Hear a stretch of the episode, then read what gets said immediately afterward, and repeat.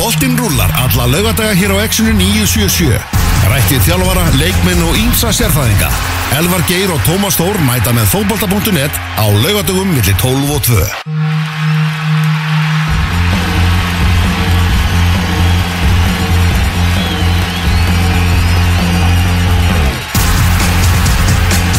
við mætum með fókbalti.net á lögatöfum millir 12 og 2 og við höfum gert það ansi, ansi lengi, Tómas, ammalist áttur út á státturins fókbalti.net á X977 lögadaginn 17. februar, hvorki meirinu minna og við erum náttúrulega með fullborð hérna kræsingum, fólk eh, fram með að drekka, drekka koktela og, og þetta er svona átt að vera sko. Blóðuvar Marjur hér fyrir fólkið fyrir utan stúdíu, já, já, já, já, já, já. Við, við þurfum að fara að vinna. Núna 15 ár er það við eh, fögnum uh, geist og hratt og fast. Á 15. á skvöld. 15 skuldið, þá leði Breiðfjörð bauð uh, okkur og, og vel völdum. Alltaf uh, fyrsta varamanni uh, Bernabó og, stórfinn okkar Vali Gunnars og svo alltaf þeim lærða. Stænki er farin út, þannig að þetta var fimm manna borða á, steikhúsunni og þar var ég held að það var örgulega eitthvað líka borðað Já, það var alltaf svona fylgdi þarna með og fínasti káeringur sem að vara hérna og upp á honum tippið hérna uh, hérna þjónunum okkar. Eðlilega náttúrulega himna, allir sko fljúa með himnaskautum í vesturbænum og frábæmatur og, og margidrykkir já mjög margir drikkir Já. og uh, uh, gerðagurinn erfiður hjá, hjá sumum.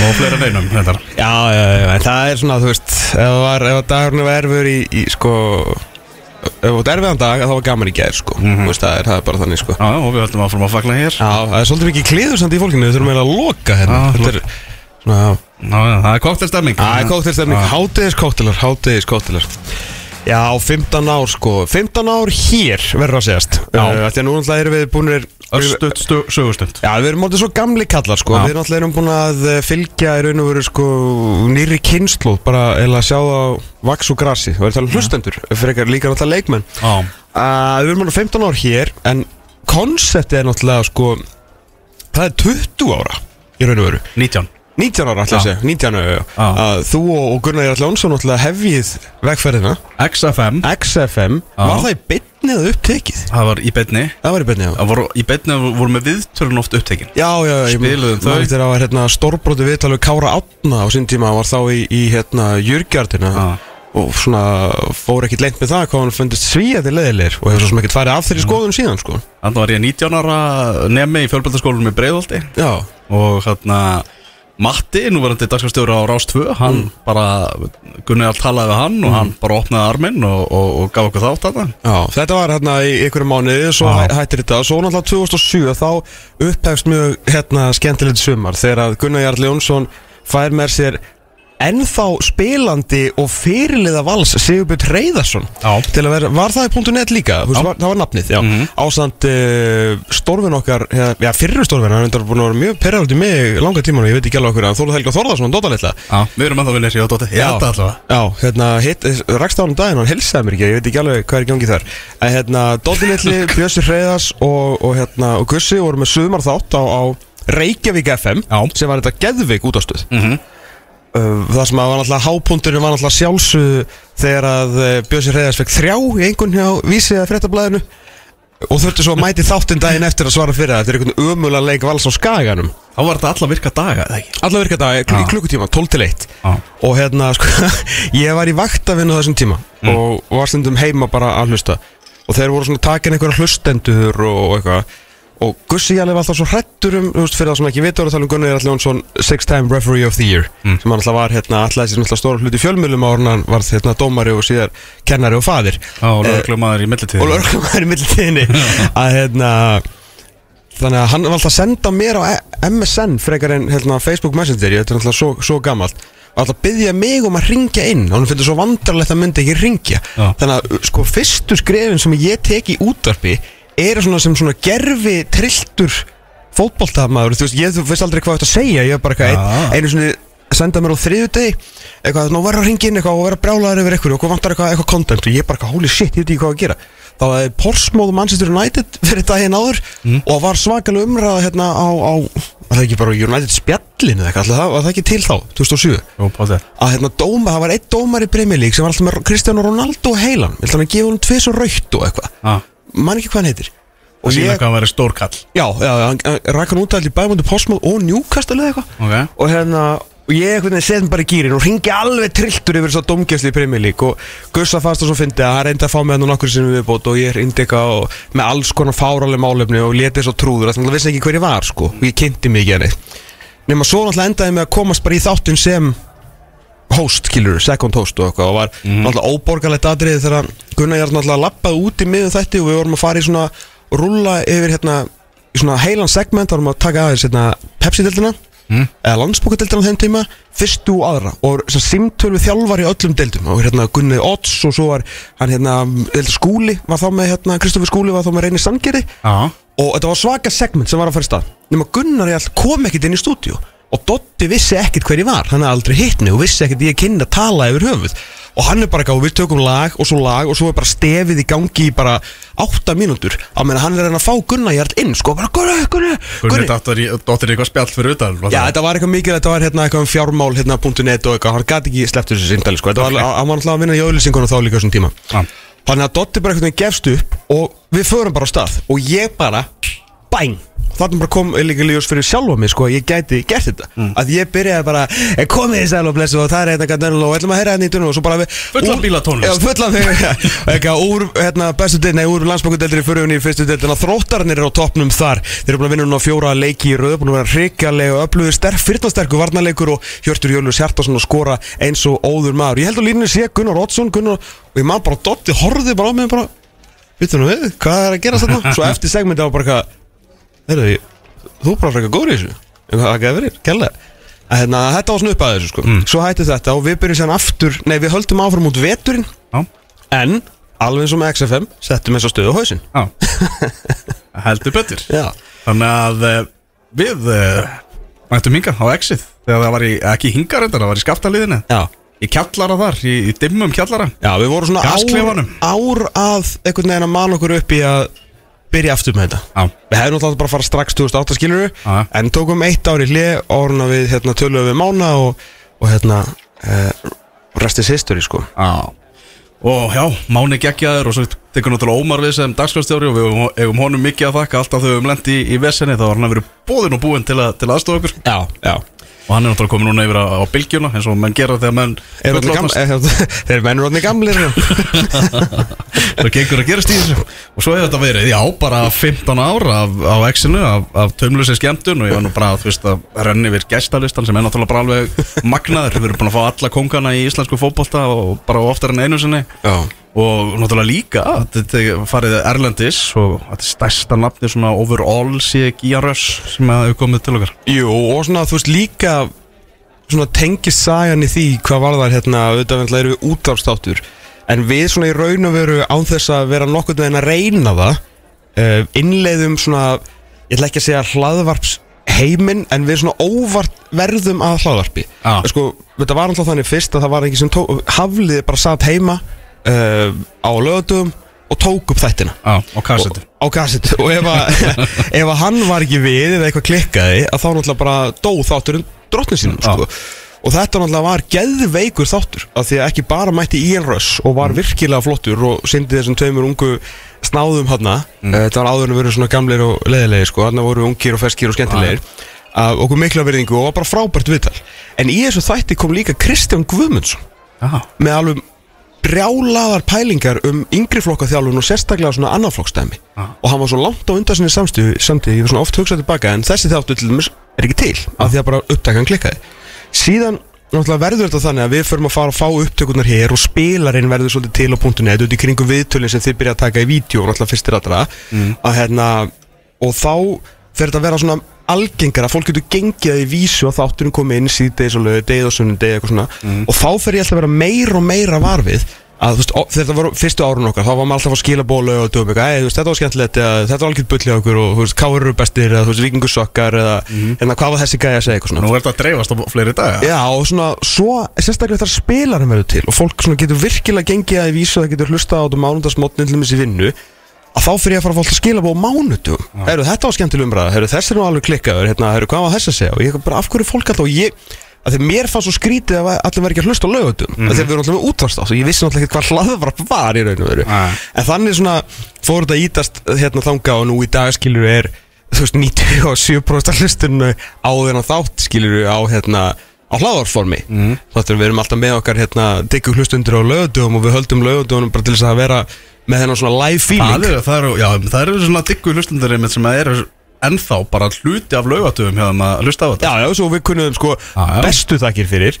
En, hérna, en eins og segja, það er umtlað einhver Þú uh, getur bara eins og bara þér hendar Þetta er náttúrulega inn á podcastinu eins og segir Þetta Já. er í beinni á FM-tíðin Þetta er í beinni á netinu Þetta er upptakna kemur á vísi Upptakna kemur á fótbolta.net Bara Þetta var bara eins og með síðasta þáttu okkur. Það var svona kristallega þetta því að strax á lögudaginn að þau vorum alltaf voru með frambjöðan þarna sérst að, það, að þá kemur strax á lögudaginn eitthvað ping. Herra, Þetta var hérna áhugavert hérna, Þessi gæði er alveg galinn. Og þessi gæði var að formaður eitthvað. Á, já, já, ok. Og svo byrjaði vikan. Mánudagur. Ég er bara í róleitum í, í hérna síðdeis í, í básum að reyna að vinna í nýju sveiflunum minni hérna sem að Margir Viljáns var að kenna mér um daginn og Hún er vist glæsileg hér Já, svona, þú veist, hún er allavega betri. Ég er að, hún fekk tíu metra auðgarlega Það munur um minna. Uh, þá kemur fyrsta sindali Frangöndastöri hér í bæ. Herru, ég var að hlusta á þáttinn. Og þannig að og 40 mínútur um Þú veist, bara ástandið í íslensku fótballtalífi og, og þess að þrjá menn hérna. Svo kemur þriðið þar Ringi síminn Ó, það er ekki mér að heyri þessum í fjögur ár Það er, þú veist, fórkólur hér í bæ Herru, ég var bara að hlusta á þáttinn. Svo kom miðvíkudagur Og það er bara herru, Enda löst áriði Endalust áriði Þetta var kannski svona, þetta er kannski akkurat tími þar sem að kannski flest símtölinn koma. Það er í kringum ástingi, sko. Það veist, vikaði ásting. Viki ásting. Og þá er mitt, þá er mitt Ég var að hlusta á þáttinn, skil Þannig að nú, svona, svona verkaði Játna var ég svona sem gamalt maður að útskýra fyrir hvernig hlaðvarp virkar. Setni hluta þáttarist á í dag. Þá kemur eini gestur Einu formlegi gesturinn í ammalagsvistina Það er allt fullt af fólki hérna. Já Og fá sér eitt kampaðist Það er ekki annað hægt. Góður, góður, góður, það er Palli. Alltaf rétt, ný- uh, léttið rónum Heldur betur. Herru, já, hérna Jón Rúnar, ætlar að, mæta.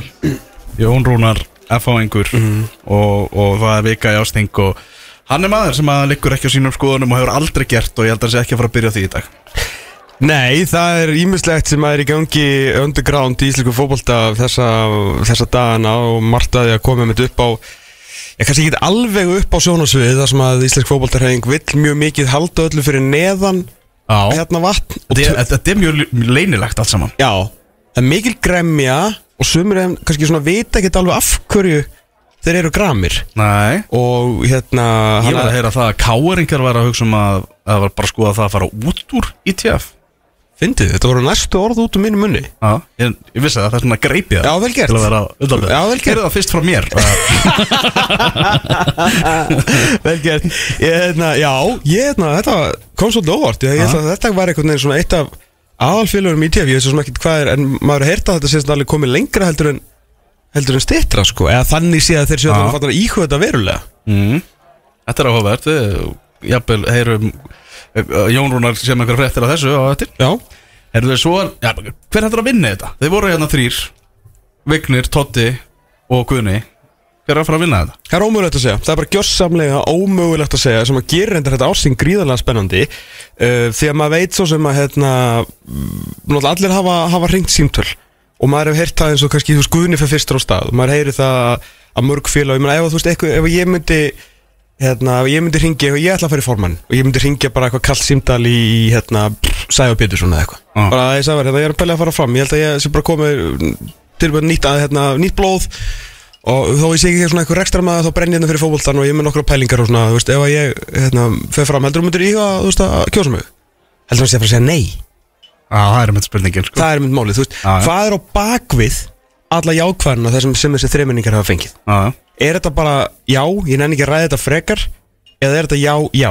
Af því að með það sem maður heyrir frá herbúðum þeirra þryggja og svona sem er í kringu þá þá eru allir mjög jákvæðir. Mhm. en það eru bara 150 eitthvað atkvæði bóði þannig að get ekki allir verið jákvæðir. Og þú þarft náttúrulega að fá þú veist, meiri hluta atkvæða í fyrstu umferð til þess að verða kjörin formaður. Þannig að Já. einn af þessu þrejum þarf að fá yfir 50% annars verður farið í aðra umferð þar sem að tveir munu standa eftir. Já, ég get, held ég get ekki lofaði miklu en ég get lofaði því að það verður önnur umferð sko. það önnur Ég tel líklega að þú veist ef þetta verður Guðni versus annarkvor þeirra þú veist, að frambjöðundir að þú veist, þeir sem kursu hinn munu þá færast yfir á, á þú veist, milli vikni og, viknis og, og totta. Þú veist, annarkvort vilja meðan breytingar og nýta andliti í þetta Mhm. eða kjósa guðna.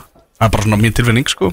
Byrju, ef að sérst Guðni fyrir upp á mótið öðrum norðmannunum sem bara vikni Já, og Totti sittur eftir. Já. að þá þeir sem kursu Totta heldur sér alltaf líklegri til að Já, færa, færa sig yfir á vigni heldur en, heldur en Guðna. Það er það ekki bara svolítið borlíkjandi með að við það fattur eins og, eins og þú varst að segja Að þeir sem eru þá norðan megin í lífinu að þeir eru bæður, báður akkuringar að hérna, eru þá að leita að einhverju nýju. Já, því að bara Guðni hefur, hefur það, hann hefur verið í svo stól áður. Já. þannig að þeir félögum vantilega vita hvað er að fá frá honum. Já, já. og ef þeir eru ekki að kjósa, hann er að kjósa nýjan aðila. Það var mjög skrítið að hoppa tilbaka. Já. ég skilja, ég skilja þú veist, með, með þætti það. Já, það er svona, en eins og segir, það er mjög rosalega erfitt að lesa í þetta og, og, veist, allir þrýr þú veist, já, er engin, maður getur ekki útilokan einn aðeins sko. nei, nei all, alls ekki og ég held að það sé bara svona það skemmtilega við að maður hefur heyrt mismunandi uh, sögur af heimsóknum þeirra til félagana og mm. svona góða og slæma hluti uh, verður að segjast þess að maður svona heyrt eiginlega bara svona góða hluti um, um þá allan fáar uh, eðlilega því að hann kom síðastur inn heimsóknir hérna Vigga og ég, sko, ég skal alveg vera við, Það er aftur að koma seint en þá koma hann inn með bara rosalega veginn fastmótaða skoðanir og hugmyndir um þetta Þannig að Já, sko, það sem að ég hef áhyggjur ég held hann að vera lungu búin að ákveða það að fara í þetta sko. Nei, áhyggjur kannski rámt orða Það sem ég ætla að segja var að hérna, ég verða að vera heðileg um það að þegar þessi maður hérna, ágæti ágreiningu kom fram hafði ekki guðmynd um hver Mm. bara ekki hugmynd Svo var ég bara hérna, að hlusta á hann og ég viðtali hérna, við, við okkur og, og, og bara ok, þetta er það var bara búin að vera stjórn KSI í ykkur átta ár og ég veit ekki hvað og hvað. Bara, ok, og þannig er greinlega með, með mikla reynslu. Þannig að eins og segja, ég, ég vissi ekkert hver hann var eða hvað hann hefði bjóða þannig ég spyr mér sko með hvað var lengi inn í KSI og það sem hefur heyrt svona frá þeim sem hafa verið vinni kringu KSI og félagin sem hafa haft samskipt við erum að nú sá nú, nú síðast bara hérna stuðnisíðuleysingu hennar Gunningu.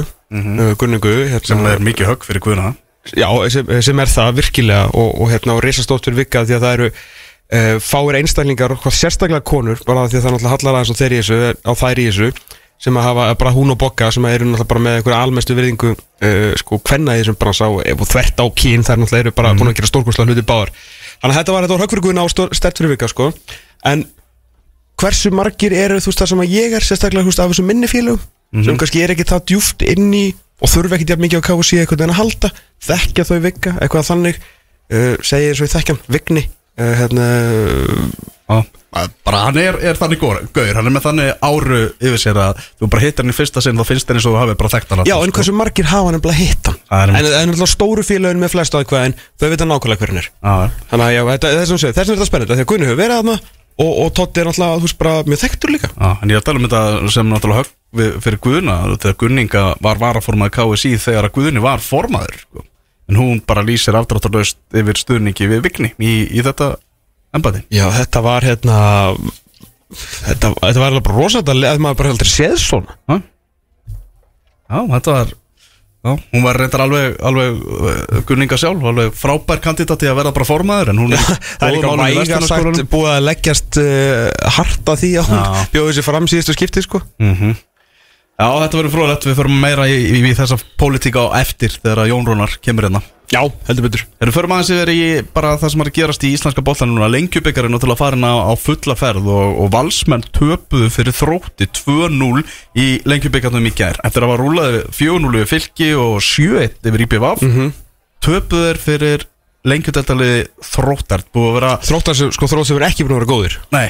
Ekki þróttur, tapur, tapur ekki fyrir í er í leiknum undan? Eða ekki réttefnilega Já, var það ekki rétt? Jú, ég held að ég, bara, ég var að mynda að ræða þannig leik við Ah. fyrirliða í er sko að hérna, þeir hefðu bara verið betri leik sko voru mörguleiti svona förðuleg úslit hjá, hjá Val í vettur og við vorum náttúrulega með mána með okkur í ótíma bara spánum dagina sem að ná, hann talaði um að vera bara svona skrítin ára einhvern veginn yfir liðinu Fór misvel í mannskapin Já, fór, og náttúrulega hafa verið hávera sögur um það að Aron Jóhansson sé ekki fyllilega sáttur hjá Val og komið þetta tilbúð þarna grín, tilbúðin að gæsa lappa frá breyðabliki, eitthvað 2 miljónar krónar tilbúð og Aron var ekki með í, í, gær í, í leiknum og ég grænslaðast nú fyrir það það er bara meðsli, hann var bara sjúkraþjálfarinn matan var best að kvíla hann hann Ok. Og uh, Aron er 33 ára er á samningsári og skiljanlega þá get ég alveg trúa því að hann vilji fá framtíð sína á reynd hann vil ekki vera einhverju óvissu með óvissu hangandi yfir sér þegar nokkur mánuður eftir að samningi en maður er að heyra það að, að það sé bara alveg möguleikja því að Aron verði seldu frá all Já, það er allavega það sem að hérna, það sem að vimbrefiðurinn er að, er að kæft um sko. Að, hérna, það sé ekki að þeir ætla að losa þetta því að á- sko, þú ættir að taka að borga honum eða treysta honum til þess að taka kontraktír, ég meina það er náttúrulega tveir núna, hvað er ekki bytti og voru annar sem að var líka á kontraktír núna í sumar og fekk var að spila eins og engill Já. og tveir sem að gera þetta og voru báður hérna hrikalega flottir. Þannig að þú getur reynd að taka þetta en spurning hvort að hann bara sjálfur treystir sér í kontraktír því að þú veist hann eins og segir hann er komin yfir 30 hann er ekki 20 og eitthvað. Og uh, og heldur líka fyrir valsmenn alltaf þegar ef að þetta er rétt svona sem maður alltaf maður heyr á nokkur mátum hann sé ekki eitthvað endilega endilega kátur sérstaklega út af framtísinni alltaf þeir þá að hafa hann einhvern veginn ósáttan alltaf þeir að hann vil vantilega fá tveggjára samning. Mm. ég trú ekki þú veist hann ennum alltaf að fara okkar þú veist hérna gauða þorðar rúlandi tólmánaða dæmi. Já, já, og þú veist, það er ekki leyndamál held í íslensku fótbolta að hann er á verulega góðum samningi hjá Val. Já, já, sem hann stendur. er bara unnið sér einu, menn hann er stærsti profil sem hefur komið til landsins bara í, í mörg ár. Já, fótbolta.net hafði samband við hann um daginn og, og bauð honum að bara hvort hann vildi tjá sig eitthvað um þetta og hann aftakkaði það sem, Ok. að, sem að var ekkert óvænt sko. Nei, nei, nei, en bara gefur hann færi á því sko þetta er, þetta er erfitt að vera að fara hérna eins og valsliðið er mjög gott og veist, einu úrslit til að frá í lengjubika ekki öllu máli. Þetta er svona, Já, hann, er, hann- hann er samt það stór Já. profíl og maður heyrt að fá bara leikmennum sjálfum og val að hann hann svona er svona svolítið sólinn í kringum mjörðina í þessum klefa skilu, hann er svolítið alfa og omega í þessu valsliði þannig að hafa hann einhvern veginn svona ósátt hann er ekkert musnið, þetta annarkort bara færur hann í burtu eða, þú veist, gerir við hann nýja samning? 49 dagar í bestu deildina. 49 dagar. Mm. Heldur að Aron verði Val þegar hún fyrir að stað? Má ég tvítra ekki mig? Já, 1x Já, ég ætla að segja ef þeir finna ekki superkall að þá borgar hún. Annars getur alveg vel losa en þeir láta ekki Aron fara og fá ekki inn einhvern af svipuðu kalibri. Mhm. það er ekki sens En það er stutt í, í deildina og, og valsmenn þurfa að fara að ná, ná að koma sér á eitthvað skrið, finna eitthvað stöðuleika Ég sá það náttúrulega eins og fræga leika móti Káir þar sem voru bara gjössanlega glataðir. Mm. Þeir voru svona meira ógnandi í þessu, þú veist, framan af í þessum leika móti þrótti, vist í gær. Já, En síðan bara fór allt í hund og kött, já Já þeir eru bara að spila sér saman við erum fleiri liði í ykkur smá, hérna, smá brasi núna, það er nú bara februar Já, þínu menn voru ekki bara þessi gær, vikingur vann afturöldingu Það voru samt í brasum daginn, lasi Já, gerðu þá þrjú þrjú jafntöflu móti leikni. Já, frábærlega leiknis. Já, fjögur eitt endur leika, Nikolai Hansen með tvö Helgi Guðjóns eitt og Valdimar Þór Ingi Myndarsson nýje gaurinn með, með eitt mark í Og Pálmi var í markinu. Já, Yngvar var, á- bekknum Eða ég veit ekki sem hvort það var á bekknum Allan að Pálmi spilaði hennar leik að það þarf að fara að koma hérna Njarvíkur Úlflum í, uh, í stand. Það var að gera hann klár í, í mjölkuvíkingin mhm, mhm. Eru Káa vann Ía 2-1 Áskeið Sigurkesson með tvö mörk eftir að Henrik Harðarsson kom, kom Ía yfir Herru, vissið þú að hérna, ég bæði í að mistur um manna vellið ekki? Þannig að þetta var hérna Þeir gengur og lægi og kláruð þetta. Skamin að líta hérna ágæð lút En vissið þú Mhm. að Henrik Harðarsson Já, er fluttur á Agnes? Já. Það veist ég. Þú er svona geðveikt. Mhm. Heyrðu, og hann er veist bara Hann er búin að vera í sko hluti af hérna, skagaðanum í núna í tvo mánuði eitthvað. Mhm. Hann er bara elskaðar hann Já, Fólk kann svo virkilega að meta þetta. Hann er bara mætt bara, bara þetta bara takið þetta alvöru. Þeir sótt hann bara hart og hann bara herra ok Þið gerir þetta fyrir mig, ég ger þetta fyrir ykkur. Bara takið þetta alvöru, hann er bara mættur upp á skað já. Ekkert aðeinslega vel gert. Hrikalega vel gert Það fer algjörlega 100% í þetta. Já, Ég ætla að halda með henni Karðar sem Já, það er mjög öðvelt Hann kom í viðtal við okkur á .net hérna í, eftir, að, eftir að skipti og mjög gaman að spjalla við hann. Og það var með talaðan um þetta hann, hann er náttúrulega rosalega mikið að hugsa um, um konseptið og, og allan pakkan sko. Já, algjörlega, algjörlega sko. Það er flótastrákur Við vorum líka að æfa saman í reyningu Eða ofta á sama tíma.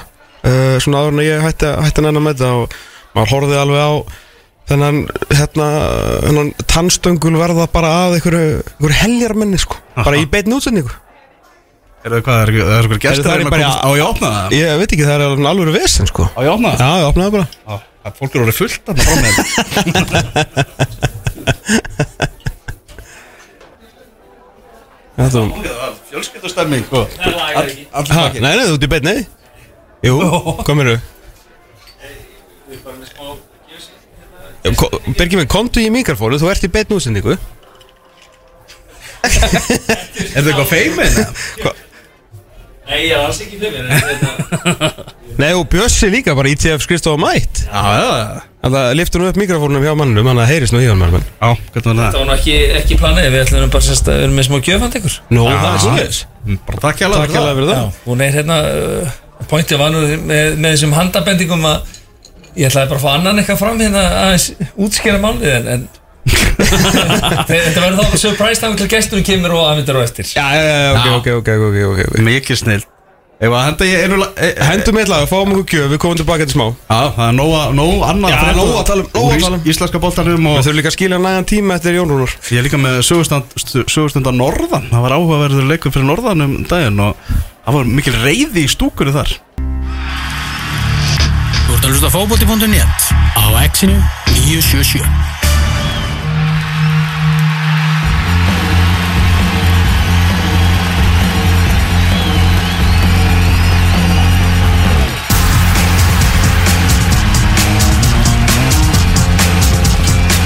Við þurfum líka að sinna gestunum sem eru hérna frammi í, þessum ammælistætti fótbolta.net en uh, já, við erum að fara yfir hérna svona það sem er í gangi uh, í vikunni, í lengju byggarnum Það eru 49 dagar í, bestu deildina uh, HK gerir 2-2 jafndelegi gegn Njarðvík. Já, þetta lítur ekki vel út í uppi byggð, Nei, fjalla byggð. Njarðvík fekk stóna skellt gegn Þórum daginn HK tapaði stórt fyrir fjölni 3-0 um síðustu helgi. Já, svo snýru fjölinsmenn sér við og voru raskjeltir af, af káringum sko.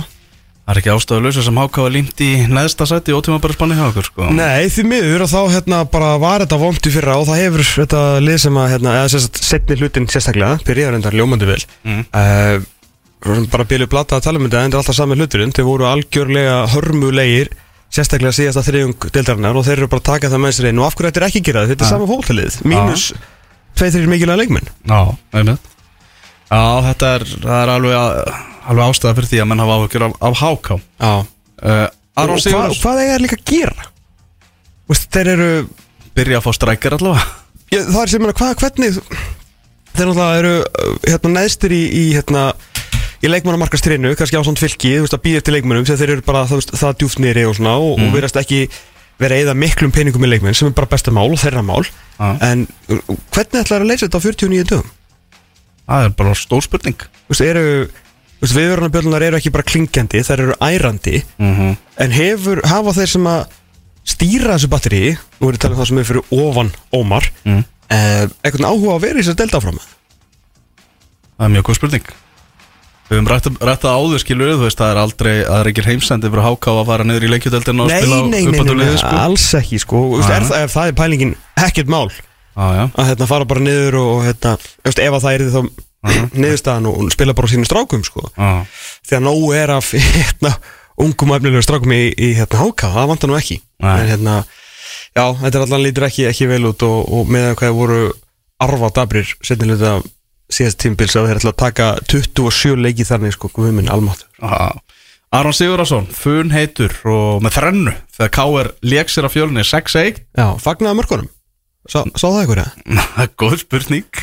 Móti, móti sínu félagi. Mm. Ég held að hann hafi gert það nú bara svona nokkuð tæplega sko. Nei, Bara svona í, í Já, hóflega. Uh, Luke Ray með tvö og Kristján Flóki með eitt.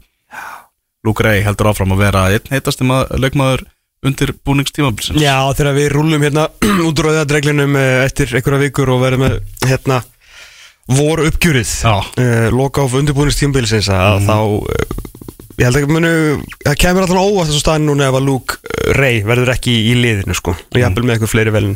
En það við sagt áður mun segja það aftur og öruglega aftur að Greg Reiter ex uh, Luke Ray er bara að blanda sem að virkar. Mhm. það er alveg, alveg klart mál Vann nýttur í fyrra, verulega. Ein af kannski svona helstu mistökum Rúnars Kristinssonar nema það hefur verið eitthvað annað þar sem að bjóða baki sem ég veit ekki, þannig að veit ekki verið að tjá sig með, með raskatunni en, en fótbolltalega séð og hvað þá vantaði fyrra var stórufurulegt hvað hva reyjarinn fekk lítinn spiltíma. Já, og var vist ekki sáttu við það sjálfur. Nei, en Gísmeit, gaman hjá K.R. Gísmeit staðfestur hjá Káur Gísmeit komin, er komin með markvörð 6-1 sigur uh, nýji fótboltakallið er með þrennu og 125 ára til hamingju knæspunni fyrir Reykjavíkur unni titilin oftast, byggjarinn oftast oftar en allir aðrir. Mm -hmm. fögnu öld og, og kvart í gærið ekki? Uh, Og við fengum nú heldur betur staðfestingu frá þjórnum okkar á 50 daginn að, að eh, hún er að spenna, magnast upp spennan fyrir, fyrir tímabilinu í Vesturbænum. Já, þá er mikið að góðu fólki sem var hérna leist út með, með merkjum sá að, að uh, hjónakórnin uh, Helena og Gulla þar fengur nú báðar hérna, ég held að Helena Ólasen nú fengi bara fengi eitthvað larfiðar gullmerki, eitthvað, eitthvað svakalegt lávarða gullmerki, Friðkjær Bergsteinsson leistur út með gullmerki. Hann er komin í framsamt hann er reynda komin í framfó með gullmerki bara upp í daldraumuna og uh, fyrir leikmaður Vikings 2005 uh, mikil toppmaður Björgur Fyrir Viljámsson sá ég líka að fekk gullmerki og, og skonum innilegt til hann mikið með það. Mm. Herðu, þarna varum að tala um Skagan á þar uh, Það var náttúrulega orða þarna, Kristján Óli var orða Norskan varnamann Eri- Erik Tobias Sandberg Við Skagamenn. Já, Sæði mér um maður að þarna væri nú kannski ekkit uh, maður sem að þekki til þarna sem að sagði var ekkit alltaf spenntu fyrir honum sem leikmanni þar áttur að þetta væri nú, nú skemmtilegu prófíl að fá inn í, í deildina. Já, en við skulum býða og sjá hvort að hann yfir höfu komið en hann var náttúrulega ég er í þessu fræga þarna rapmyndbandi sem að uh, Erling Haaland gaf út þarna með vinum sínum fyrir einhverju, einhverju síðan. Mhm. Og svona áhugavert lag Så står det til. Har ikke sett deg i det siste. Flow Kings, kallaði þessi Getið finnið fundið þetta Það á hefði mögulega átt að skýra sig eitthvað annað því ljósið hvernig þetta hljómar Om du lurte har jeg også vært på butikken. Vært og handlet inn en del for jeg har mye spenn. Selvfølgelig skal jeg dele litt med deg, min venn. For jeg vet du ikke har altfor mye spenn igjen. Ja, det får en si. Já, Þetta minnir mér svolítið á sko Nú er komið tími til að rappa og það er mikið happ. Já. En Þeir ætluðu náttúrulega að fá hann að Króata sem þeir voru mjög spenntir fyrir sem átti að vera bara nýji Luka Kostic en hann bara mætti ekki var bara nánast á flugvöllinum þegar hann hætti bara við að mæta. Og en, en það er eitthvað eitthvað tíðend að vænta hjá, hjá IA og ég er það bara Rúna Má Sigurjónsson sé bara við það að fara að skrifa undir hjá það er svoleiðis. Já, Hann er að koma úr aðgerðið ekki? Hann er kannski, við veitum ekki alveg hvað hann ná stendur En við veitum nákvæmlega hvað hann getur í, í, í fótbolta. Já, það vitum við Erðu breyðablík og FH mættust í Kópóin núna í vikunni? Blikar yfir í háleik, Eithor Aron Völer sem skoraði markið en FH skoraði þrývis í setna háleik og komast á bragðið þegar Björn Daniel Sverrisson átti skot sem að Antonar Einarsson átti klárlega að verja í, í markinu. Uh, Varnarjaksliðin Dusan sem kom frá Káak skoraði 2-1 fyrir FH og svo var það Baldur Kári Helgason nýjórði 19 ára skoraði líka nýja í úslitaleiknum í þungavittabíkarnum og er svona að brjóta sér leiðin í F-liðið, hann skoraði flott mark og þriðja mark F í, í þessum sýri en uh, Viktor Örn Margersson segi leit afskaplega illa út í, í því misti boltan það frá sér og maður tala um, þú veist, mistökja tóna og hjá Viktori þeir að gefa mörg áttu báðir, vond tímabili fyrra og svona eins og þeir draugar er, verðist ekki alveg að vera hortnir og braut. Þetta eru leikmenn sem að þú veist verða bara stígu upp og verða geta eitthvað í, í sumar fyrir breðablík Ég bara algjörlega, þú veist, þeir voru báðir slagir í fyrra uh, Nánast allt, allt mótið þannig Þannig að þetta er Já, lítið báðir er náttúrulega Antoni í þessu, marki Þetta er náttúrulega bara, hann var vist góður í þessu leik sem er, sem er vel, ég meina alltilega þú veist, gera einu og einu mistök Kannski ekki Já. alltaf að gefa markið en, en þú veist, í 90 mínúnar voru við bara flottar Mhm. sem, bara, sem er vel og, og hérna það verður ég hef eftir að sjá það að hann rífið sig upp úr þessu því að ég hef sagt áður að hann er svona svolítið sjálfstæðsmarkurur og getur verið að hjakka lengi í sama farinu eins og við sáum á síðustu leikti það við vitum alveg með þetta þreifaldur Íslandsmeistari sko hann er ekkit svona liðlegur þessar sögur um markmannsleit blika, það var svona aðeins takna niður í, í þeim. Já, ég meina þeir fóru allar leið bara og kom ekki gæja á reynsluti eða þú veist í hérna á æfingar. Þannig að þeir voru allar komin það langt. Augumundur orðaði við þá eins og alltaf. Já, en líka það, þú veist, það var skrítið að fara alveg það langt í, þú veist, að reyna að kremja sáströsti Antoni er hann einhvern veginn meira. En svo endar hann bara á því að vera þarna og þá náttúrulega bara þurfa menn einhvern veginn að að leysa það og hann þarf bara að- að spila betur, sko. Já, og ég menna, og í viðtal við MBL þá kom Haldur Átnarsson með bara stuðningseyfirlýsingu við Anton og sagði að hann, þrátt fyrir að hann hafi ekki- átt slagt tímabili fyrra þá hefði hann tvö, tímabilin tvö þar á undan verið fyrst að vera að gefa út þess að stuðningseyfylýsingu þá hljóta þær að standa áfram með bara honum og hafa hann í markinu. Já, ég meina, þú veist, Dóri er náttúrulega úr vesturbænum og ætlulega hann slítur að vera Rúna Kristinsson þannig að hann var nú alltaf dölur að segja að Beitir að vera besti margmar á landinu og hann kom nú bara beint af heiðinu og skilaði Já, ekki Þannig að það getur nú gert heimskari hlutin að rífa hérna blaðsíður bók Rúna Kri. Steve Lennon, góðsögn, lagði skóna á hilluna í byggunni, formulega Fór í viðtal við Var hann að hætta? Já, Fá, hvað er það? Ég ætla að vera dáinn Þegar ég horfði á myndbandið?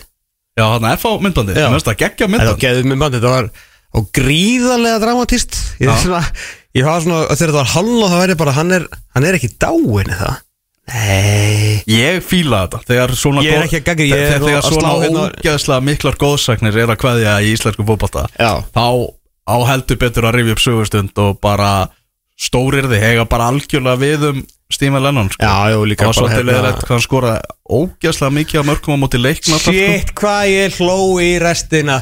Þegar það var búið þá bara dun, Já, hann er bara einn besti leikmaður sem að hefur spilað fyrir FH Síðasta skotið Lennon að setja hann sláin inn á raskatinu gegn leikni. Já, já, skoraði alls á móti Alveg sko. Standandi eða sitjandi. Nei, nei, hefðu þetta eitt albesti leikmaður sem við sé hérna síðustu 10-15 árin uh, Frábæð þar komin í fram og þvílíkur stekk fyrir okkur. Og einn af og eini útlendingurinn af, hérna, af þeim þremur á 100 marka vegnum menn hann skorar reyðulega 100 markur félagi sko. Því, hvað það er ekkit þú týnir ekki bara útlendinga trjánum sem að skila svona framlæði fyrir því sko. Eitt, yfir 100 mörg og hann höfði Maggo allir við er náttúrulega konum með sinn eigin vegg þarna. Einmitt. og, og hlaðvarp serju en í tilefna þessu að þá uh, stakka Óskar Ófur Jónsson niður penna í gær. Já, með geðveika grein á vísi sem að byrtist eh, í morgun í gær fyrir ekki, eh, tíu í germorgun þar sem hann er að fara yfir hver eru bestu erlendu framherrar í sögu íslenska boltans. Og ah. sjálfsögur náttúrulega tölfræði þarna inn í þessu. Uh, og hann listar þetta bara upp og þetta er sem sagt hérna, það er, þú veist, hvað er að hafa gert og, og hérna, hvað er að, já, hvað er að afregað og svo mörg og mörg pluss stóðsendingar í leikum Patrik Pedersen er efstur 138 mörg og stóðsendingar. Hann er með 0,91 aðkomu. Hann er næstuði með markiða stóðsendingu per leik Patrik Pedersen síðan að mætti hérna.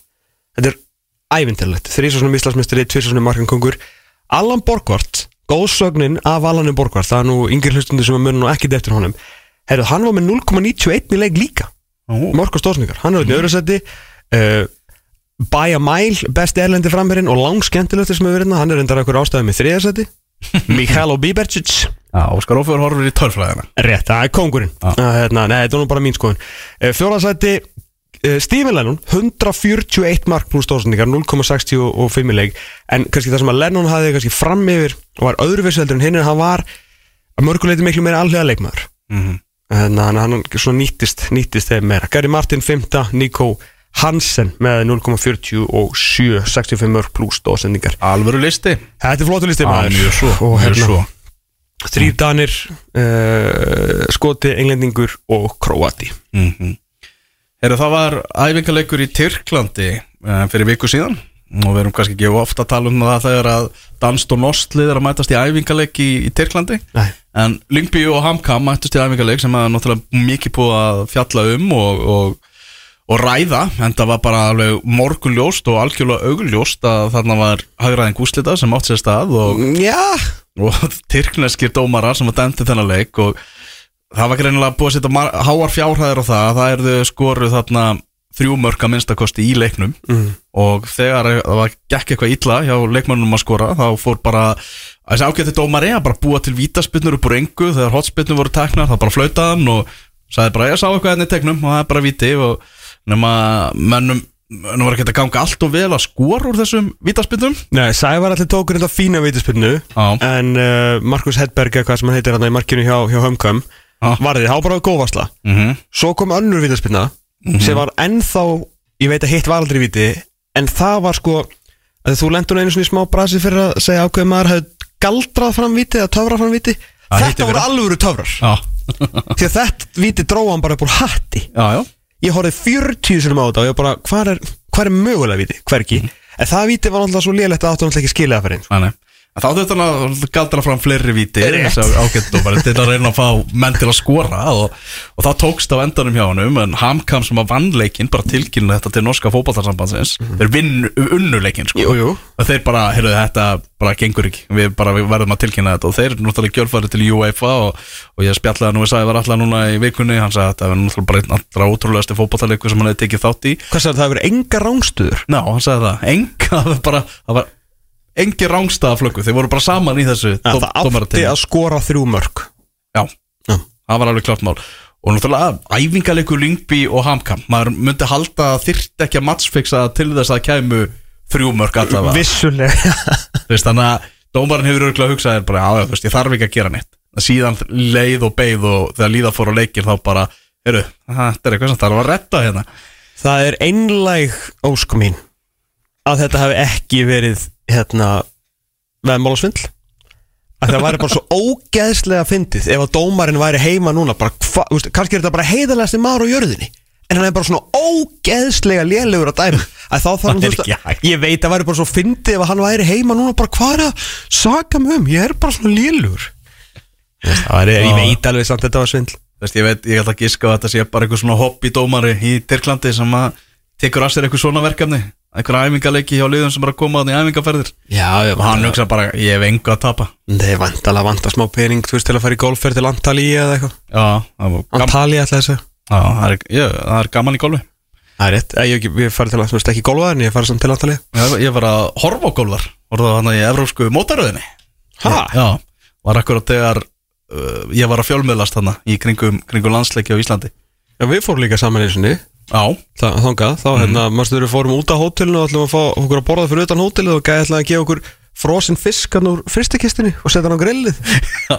Já, nei, nei, ég er alveg góður. Sleppum þessu, sleppum þessu. En það náttúrulega veðmála heimurinn eins og allir hlustendur við náttúrulega vita er orðið alveg gigantí stór og þú rosalega uppaði sem er að fara hann í gegn. Mm Gaman að segja frá því að það var leikur í bóganum núna um daginn. Dalvík reynir á móti Káa og þar voru svakalega uppaðir sem voru, voru að ganga í gegnum í, í þeim leik sko Býtum við búið að skrifa um þetta, bara veistu þetta? Ég bara veit það Ok. Ég var bara að tala við, við góða mann fyrir norðan sem Ok. var, að, að segja þetta og hafna þar var, var svona ímsar útgáfur sem að vera að veðja á þennan leik og var bara búist því að Káa myndi rúlla hann yfir Dalvik í, í þessum leik og eitt eitt var staðan í hálfleik og þá voru vist margir sem voru búin að veðja á það að Káa var yfir í eftir fyrir hálfleikin og síðan endar uh, Káa með að vinna þennan leik 3-1 og það margir hafa verið búin að veðja á stærri sigur hjá, hjá Káa og vist bara rosalegum upp að þeim. Og það var bara ángist þarna sem greip um sig meðal fólks í stúkunni. Tyrkneski dómari var ekki að dæma þennan við það var heiðarlega dómari. Voru bara, þú veist, fólk í stúkunni sem var bara holy shit, hérna, jólabónusinni farin eða? Já, Þetta var ekki, þetta var bara innlend veðmál. Já, bara Og fólki sem með peningin satt af já, þú veist meðal annars þú veist, ein, einhverjir náttúrulega voru bara í Reykjavík og eitthvað. Já, já. að þetta var eitthvað sem að flaugum að þetta verði það sem áttir að sitja á. Og rosalegum rosalegum uppaðum setta á þetta uppaði setta á þetta. Og svo voru menn bara víst að Og ákvæmlega gaman að vera á vellinum og horfa á sjálfaði tapa einhverjum hundra ásköldum það var vist bara barið í veggi og, og, og, og bara alvöru reyði Já, þannig að þetta var um alls ekki veðmál og skandall að því að leikurinn var bara eiginlega já, það vantaði tyrkneska dómara Það vantaði Nei, anskotin Já, þannig að það er bara svona gott dæmi um það hvað, þú veist, þetta er bara einhver lengjubikaleikur, jú, en þetta er bara æfingaleikur inn í bóganum á Akureyri, sko. Djöfullir í fein standir ég, Það eru tíu ár síðan að ég hérna meira, hvernig var ég var eins og svona klinkveðmálum eitt sumar, var alltaf að setja svona þrjár og fjórar og fimm eurur á leiki og hérna svo er ég komin upp í eitthvað 180 eurur, þetta er ekki miklu peningar sko og segja þetta var bara svona aðeins til að leika sér. Mhm. tíu ár er eitthvað meira. Uh, nei, alls ekki tíu ár. Og svo ákvæði svona, svo var ég hættur að nenna þessu þannig ég setti allt á að leiknir nei, að gróta myndi vinna leikni. Ah. að þetta var þegar leikni gæti ekki neitt. Við byrgu okkur í hérna einhverju lokaðum fyrir að tömið eitthvað. Mm. og gróta voru góður og gróta var eitt og liður. Svo kemur einhver fallið bolti inn á tegin og ungur markurur í, í grótuleginu sem að heitir eitthvað að hann er í Brentford í dag heitir eitthvað Hákon eða eitthvað. Að hérna misti boltan í gennum klofi á sér á 90 pluss 5 1-1 og ég hef ekki lagt krónu á leik síðan. Já. Ég var bara að leika mér svona þegar, þú veist, þegar sjoppunar voru á hétu þegar maður actually var að fara inn í sjoppur. Á Já, gaf, hendi, þú veist, það kostar ekki tíkall. Þú- ætti maður ekki að gera það? Já, já. Maður fór á fórsöldum eftir rétt og hendi í seðil og tíkall og vann aldrei neitt. Já, nákvæmlega. Já, þetta er Hann var vikan, þetta er svona frétta vikan Þetta er ekki svona helsta sem að, sem að gerðist. Jú, allra að fara í, wow, uh, Brentford 0, Liverpool 0 eftir 20 mínútur Dykkur sjóta með þrömuskot sem að uh, hann strákur í markinu hjá Brentford Flecken hefur Já, sem að við þólum ekki núna Þegar við viljum að Hákon fara að fá tækifæri. Ég er lungan að hágóngu og þóla hann ekki, sko, hann getur ekki neitt. Nei, það er mitt málið, sko. Er miður fyrir hann elsku kall, sko. Mhm. Hérna, allra ekki að fara í þetta frí og það ætlar að gera það með Jónunari Já, með Jóni Rúnari. Já, með Jóni. Alveg klálega Já, ok, ok. Það er svo sannarlega eitthvað til að, til að fara yfir með honum. Já, Herru, tökum okkur eh, smá hlýð Jón Rúnar er að fara að vera detta í hús eftir smá stund. Eh, Við ætlum að ræða ímislegt við, við hann. Ég skal segja ykkur það að út á státturinn fókbóti.net hér á X977 með siglum inn í klukku, seti klukkutíman í þessum ammælis þætti Klakkandur í stróks hérna að, að ljúka sér af og það er pólitíkin, það er ásting, það er vika í ásting það verður stemmingu stuð í úlfarsáttarnum eftir nákvæmlega viku? Já, heldur betur, eh, sérstaklega vantalega um kvöldið. Það er svona kannski það sem að uh, menni hafa verið að býða eftir. En þetta er alvöru þing Því að það er nóga að gerast á þessu þingi. Það eru þetta formannskostningar Vignir, Guðni og Þorvaldur Berjast um andkvæði, knassbyrnur hefingarnar Til þess að komast í stærsta starfmögulega í íslenskum íþróttum. Setsinir hverjum það er líka tillögur á þinginu sem að, sem að þarf að ræða og Svo fyrir við utan KSI, uh, en samt með KSI, stenda samtök sem að stofna voru nú fyrir einhverjum árum síðan til þess að eh, já, taka utan um hagsmunni íslenska liða og sérstaklega eftir deild sem voruð síðan að eftir tveimur deildunum. Uh, þetta eru sjálfsög íslenskur toppfóbolti svona guðfæðurinn uh, sem er nú kom fór og komin aftur í samtökin uh, eitt mesti fórkólur í sögu íslenska knaspinu einna fóringjónum, Jón Rúnar Halldórsson er mættur í til okkar í ammælistáttin heil og sæljónar og, og velkomin Það komið sælir. Já, hvað Það segir er mikið með ammali, drengir. Takk, takk takk, fyrir fyrir það. kærlega. Innilega. Takk kærlega. Ég vil nú bara fá að segja strax að Ég vissi áttaði mikið á það Þetta voru honum 15 ár síðan væri búin að vera að reyna að ala ykkur upp í þessum tættum en, Þannig að þið farið bráðum að fara heimann Já, liggu við. Og eignast ykkar eigin líf. Já. En til hamingju þetta er þrautsegja og, og, og vel gert. Ég ætla bara að hafa ekkit fleiri orðum það. Nei, Það verður ykkur að gjóðu, góða af gjöfunum sem Já. þið sjóla allir að tala um á eftir. Takk kærlega fyrir okkur, það er fyrir einhvern milli mála að hér uh, menn hlusta, vita hvað er hitt áhuga mála okkar fyrir utanmarspinnu Þannig við fyrir klifjaðir heim og munum uh, hérna, sjálfsögðu eins og íslengur fótbolti er von að vísa að tala vel um ITF næstu vikurnar.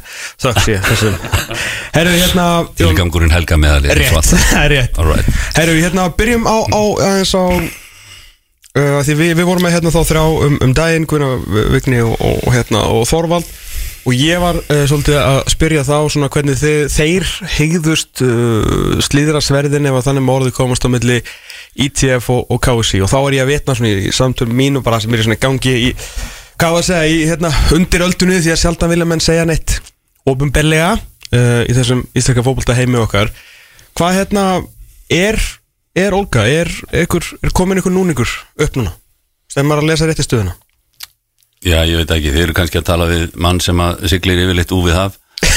Og hérna, einhverjum olgu sjó yfirleitt, þannig að ég tel uh, gust ekki vandamál. Nei, og hérna, ef við horfum bara á, á sögu ITF og frá því að við vorum hér að mér minnir nýri lögadal við komum þess á leggi, legginar ansi mörg ár síðan ekki fulltrúar nema hvað helmingsliða sem þá voru í Östil og þar til núna og fyrstu árin voru náttúrulega það var bara átta já, það var bara fætingur.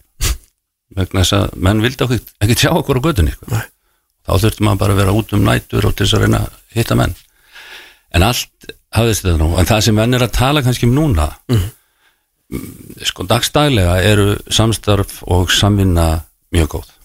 ITF og KSI ITF og KSI það er að segja starfsminn ITF og starfsminn KSI það eru alls konar mál sem að koma upp á bara dagstaglega og svo er verið að ræða hinn og þessi mál, menn eru saman í nefndum stefna allir í suma átt. Svo kemur þetta enginnilega að vissulega hefur alltaf verið og mun alltaf verða á stefnustrá ITF það eru þessi hagsmunni, hverjir eru hagsmunni félagana og það er stóri munurinn á KSI og ETF það eru beinir hagsmunni, daglegir hagsmunni félagana sem gengur allt frá bara framkvæmt leikja og út í réttindamál. Og það er þarna sem kannski styrrin stendur stundum. Og við skiljum það vel með hundin og róðið hann vill ekki sleppa. Og við erum svolítið svona að reyna að tæta eitthvað af þessu róði af þeim. Ég meina þú myndist á samtalið við við hérna eða ykkar við uh, kandidatana, kandidatana þrjá í formarskjöri Já. og það kom svona fram hjá sérstaklega einu þeirra að svona þessi réttindi sem við erum núna að spila úr að þetta hefur svona verið sjálfsagt mál. Það var það ekkert. Þetta var bara átta mm. veist, þetta var bara fætingur. Og þessi sem hér talar hann þurft að svona yfir eitt vetur að brjóta sér fingur tveggja putta á að vinstri og eins eða tveggja á að hægri. Það var til þess að því að, að sjálfsög vilja menn að, yfirleitt ekki gefa eftir eitthvað. En það er bara þróunin og hún heldur áfram. Þannig að þetta stríð er nú ekki merkilegur en það. Mm. að þetta er ákvæðlega hvað segja, stundum hart samtal á milli manna um réttindi. Hvar eiga mál og málefni að liggja? Já. Svo, svona fílingurinn innan KSC þess að dana virðist vera og svona kannski maður aðeins mikið aðhæfa en þú veist, að, bæði úr þú veist engasandunum og svo aftur eins og við vitnaði hér fyrir viku síðan í hérna í Jöra hjá, hjá Hjörvarum daginn sko, það er svona þeim finn, það líður svolítið eins og ITF sé að uh, bara hérna sem er svolítið reynda svolítið fyndum pæling því að því að náttúrulega ITF er félagin eins og KSC sko að þeir svolítið að taka pening af KSC og þó til ykkar. Já, þetta er eins og að tala um mannin að það sé ómögulegt að taka út af eigin bankabók sko. Já, einmitt. Það er náttúrulega bara þvæla. Og uh, með fullur viðningu fyrir hverjum sem er sem að þarna er að tala hún nefnir hér eitt nafn, það skiptir ekki máli. Til síðan og síst er þetta fólk að vinna hjá okkur. Það er bara þannig. Já. og uh, peningar sem að eru inn í reyfingunni það er þessi stóru myndinni öll heyra þau til reyfingarinnar sem eru þá félaginn og þetta er bara spurning hvan, í hvað notar peningin -hmm. það eru askoti fáin sem geta notað hann tvísvar flestir nota hann bara einu sinni þannig að það verður að skilgrina hvert hann fer. Mhm. þannig að félagin vilja þetta hafa áhrif á það. Og það er með þetta eins og annað að þarna nefnur Jörra sem er svona fer fyrir afrekslínunni. Mhm. ef að grunnskólandir og framhaldsskólandir í þessu landi er ekki í lagi þú getur bara að loka háskólan Já, já, ok? já. Þannig að félögin í þessu landi ef þau er ekki í lagi þá er ekkert engin landsinstarfsemi Nei, nei, nei, einmitt. Þannig að við verðum að hlúa því. Já, um það snýst þetta fyrst og fremst. Svo sjáum við til. Svo byggjum við vona á þetta. Mhm. en ekki láta félögin vera fár sjúk heima. Þau gera ekkit gagg þannig. Nei.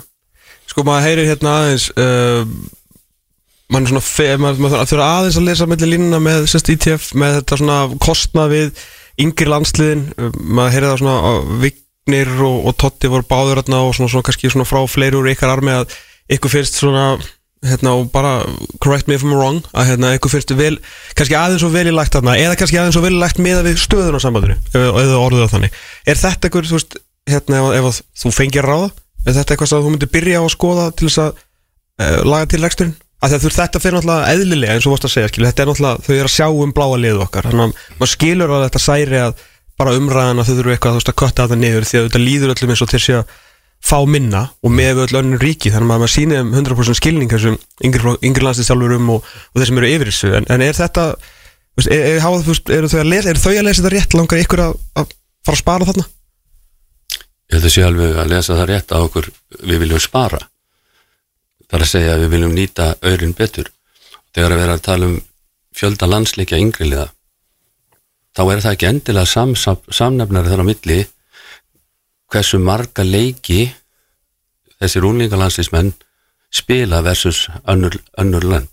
Mhm.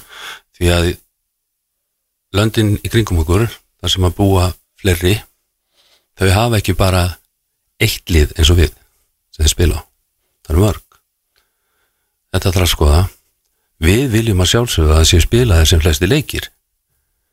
En það er ekki endilega bara leikja fjöldin sem telur sparnaðin þar séu fækka leikjum. Það er hægt að spara í kringum hvern leik. Það er hægt að hafa færri með í för. Það er hægt að velja sér það að fara ekki endilega alltaf langt og dýrt.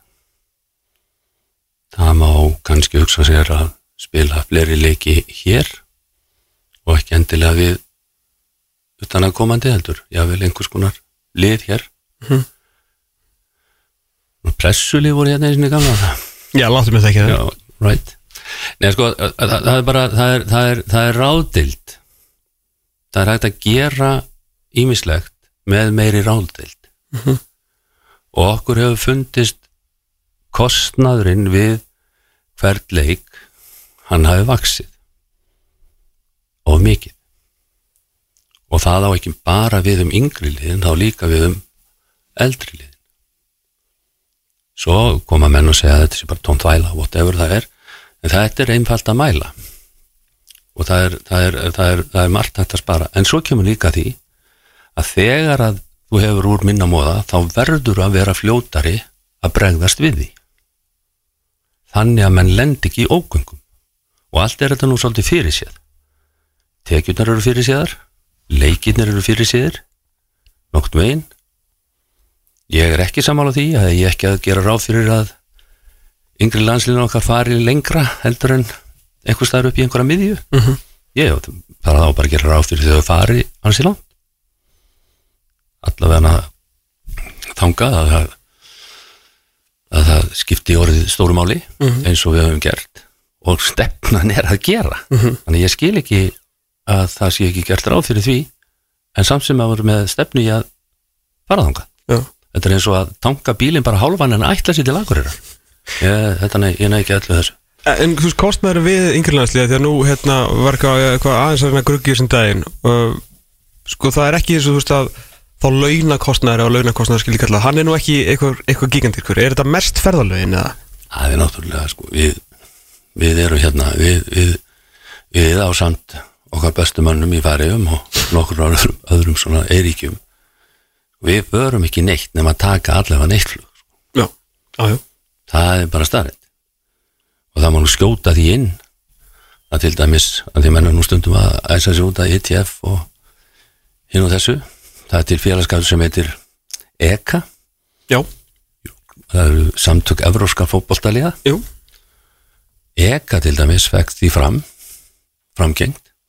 Og þar ætla ég bara að nefna minn áskjara bróði Viðar Haldursson sem hefur búin að vera þar vakin og sofin í frá 2007 það er nú bara einu vika í handla til ljósitt skína en það vanda? Já, já, ég meina við eigum þetta þetta, svæð, þetta svið. Nei, ég segi frá 2007 ég meina þar, þar kom hann beigður til bróðu síns sem að þá held að hann ræði ríkjum, ríkjum í Kaplagiga sem er alltaf, hefur alltaf aldrei verið rétt. Og verið sem fulltrú okkar þar. Og það er hans verk fyrst og fremst að til dæmis að við höfum fengið þennan, þennan þessa tíma uppbót ferðan tíma uppbót í Európakefni hann er að vísa ekki sá sem að hleypur í blöðin og montar sig út af öllu sem hann gerir. En, en, en, en, þetta eru samtök félagana sem fengu þessu áorkað gagvart júfa. Og það er alveg, það er alveg ljóst að þetta kom nú fyrst upp á, á teningi þegar að dróst með okkur og Kazakstan sem að hérna um árið. Fyrst ekki sem við töpuðum á því að vera í Eurókefni en um, þar segja þennan legg. Jú, já, en þetta er að sama hér. Það er að segja við verðum stundum áttu gráði að það er ekki hægt að, ekki hægt að gera allt. Nei. og löngunni sér til þess Fyrst erum að tala um hérna fjármálin uh, uh, á fjármála eftir tímanum í gær sítið þess að försti kom út uh, Óskíslan, Mhm. uh, líkt og svo ofta öður sítið þess að försti viku fyrir þing.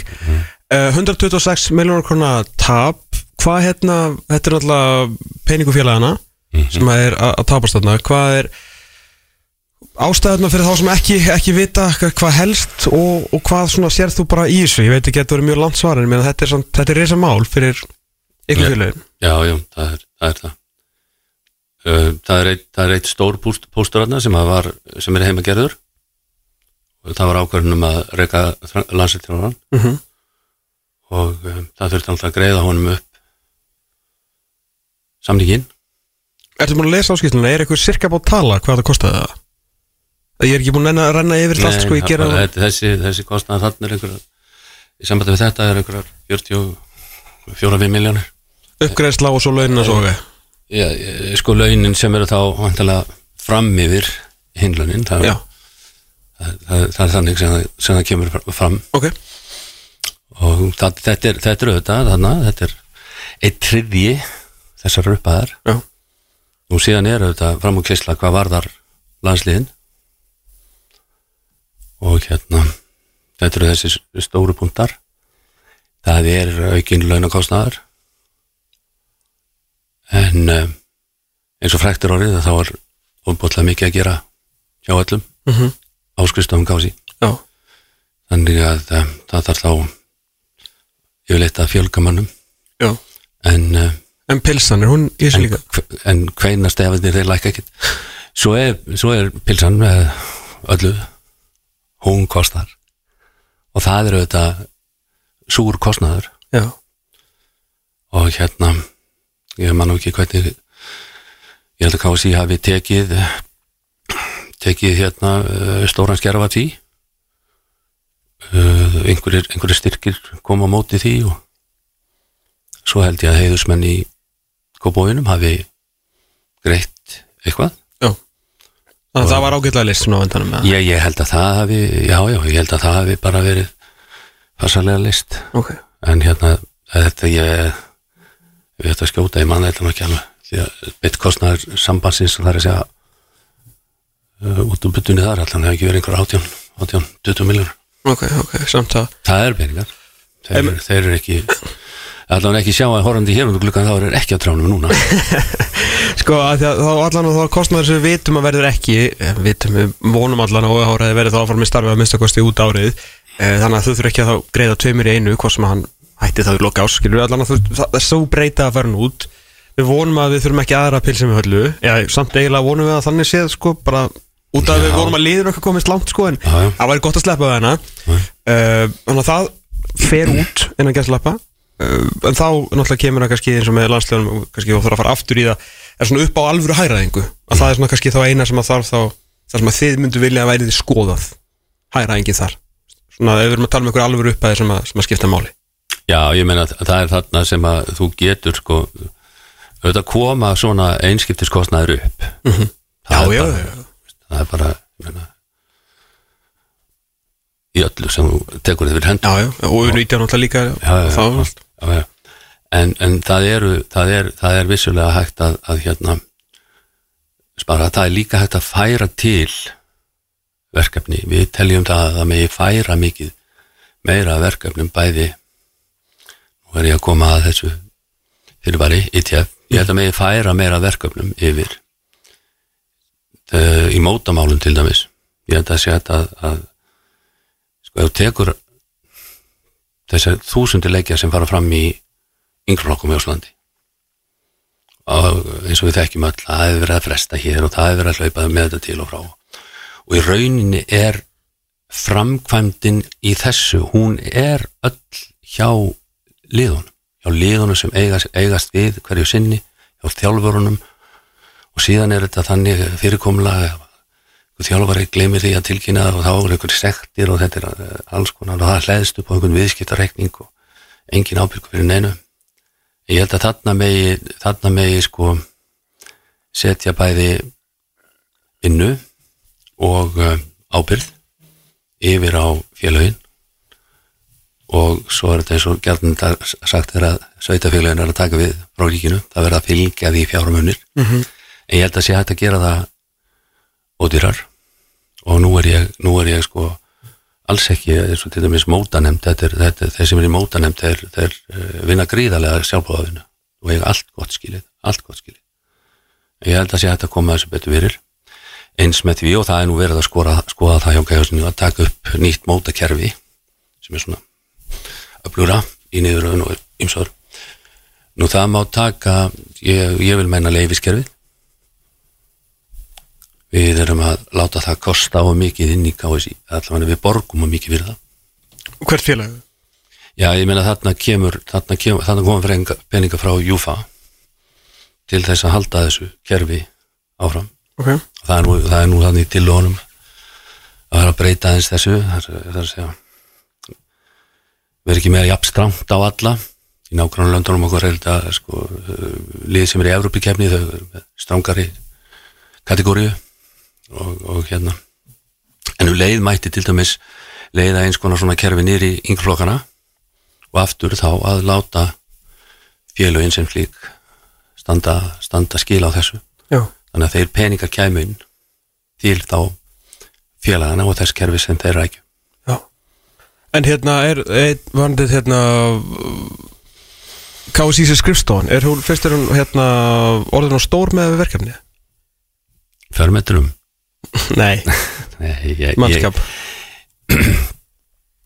ég sko eh, ég lifi við það að vera ósangjarn gagvart öðrum. Og ég held að það sé alveg satt. En ósangirnin er nú ekki, ekki meir en svo að já, ég held að það megi gera verulegt átak þar. Verulegt átak. Og hérna stýra þessu stýra þessu aldrei öðru og það má til dæmis að því að það er nú, nú tillaga inn á þingið að vísu frá veitum við? 20 myndir yfir eitt Já, ok. Hann, nei, hann er að senda mér hérna. Góðu maður sem þekkir máli betur. Ég sé með, einsteinn, ég er ekki með glera hann. Hann reyndar ekki að ljúga því Hann komið tölvu og allt og getur ekki styrli Þannig að ég verð að reyna að muna þetta alls saman, en, en takk fyrir skilabóðin. En þetta er svona sirka. Ég, ég lesi þetta á eftir. En menn skammast mig, ég, ég verð auðvitað að menn verð að taka viljan fyrir verkið með, með, með, með hérna, uh, svona, svona, þetta, er allt sirka rétt, sko. Ok En við vorum hvar? Skrifstofu KSI Já. Já, bara, man, hérna Já, ég meina að það, það kemur til að til dæmis með, með frá, frá samtökunum sem er ekki eins og innan, innan KSI inn á þingið og það er með, með svömmafrí ég held að sko, við erum að reyka hérna svömmadelt sko. ég held að KSI þurfa að haga sér þannig Mhm. þar að leiðir þá er hægt að þá er hægt að hérna haga vinnunni þannig það má líka vissulega og þá aftur kem ég félagunum að. Ég held að félagin séu sko megnugri heldur en meira sé að ég held að þau séu.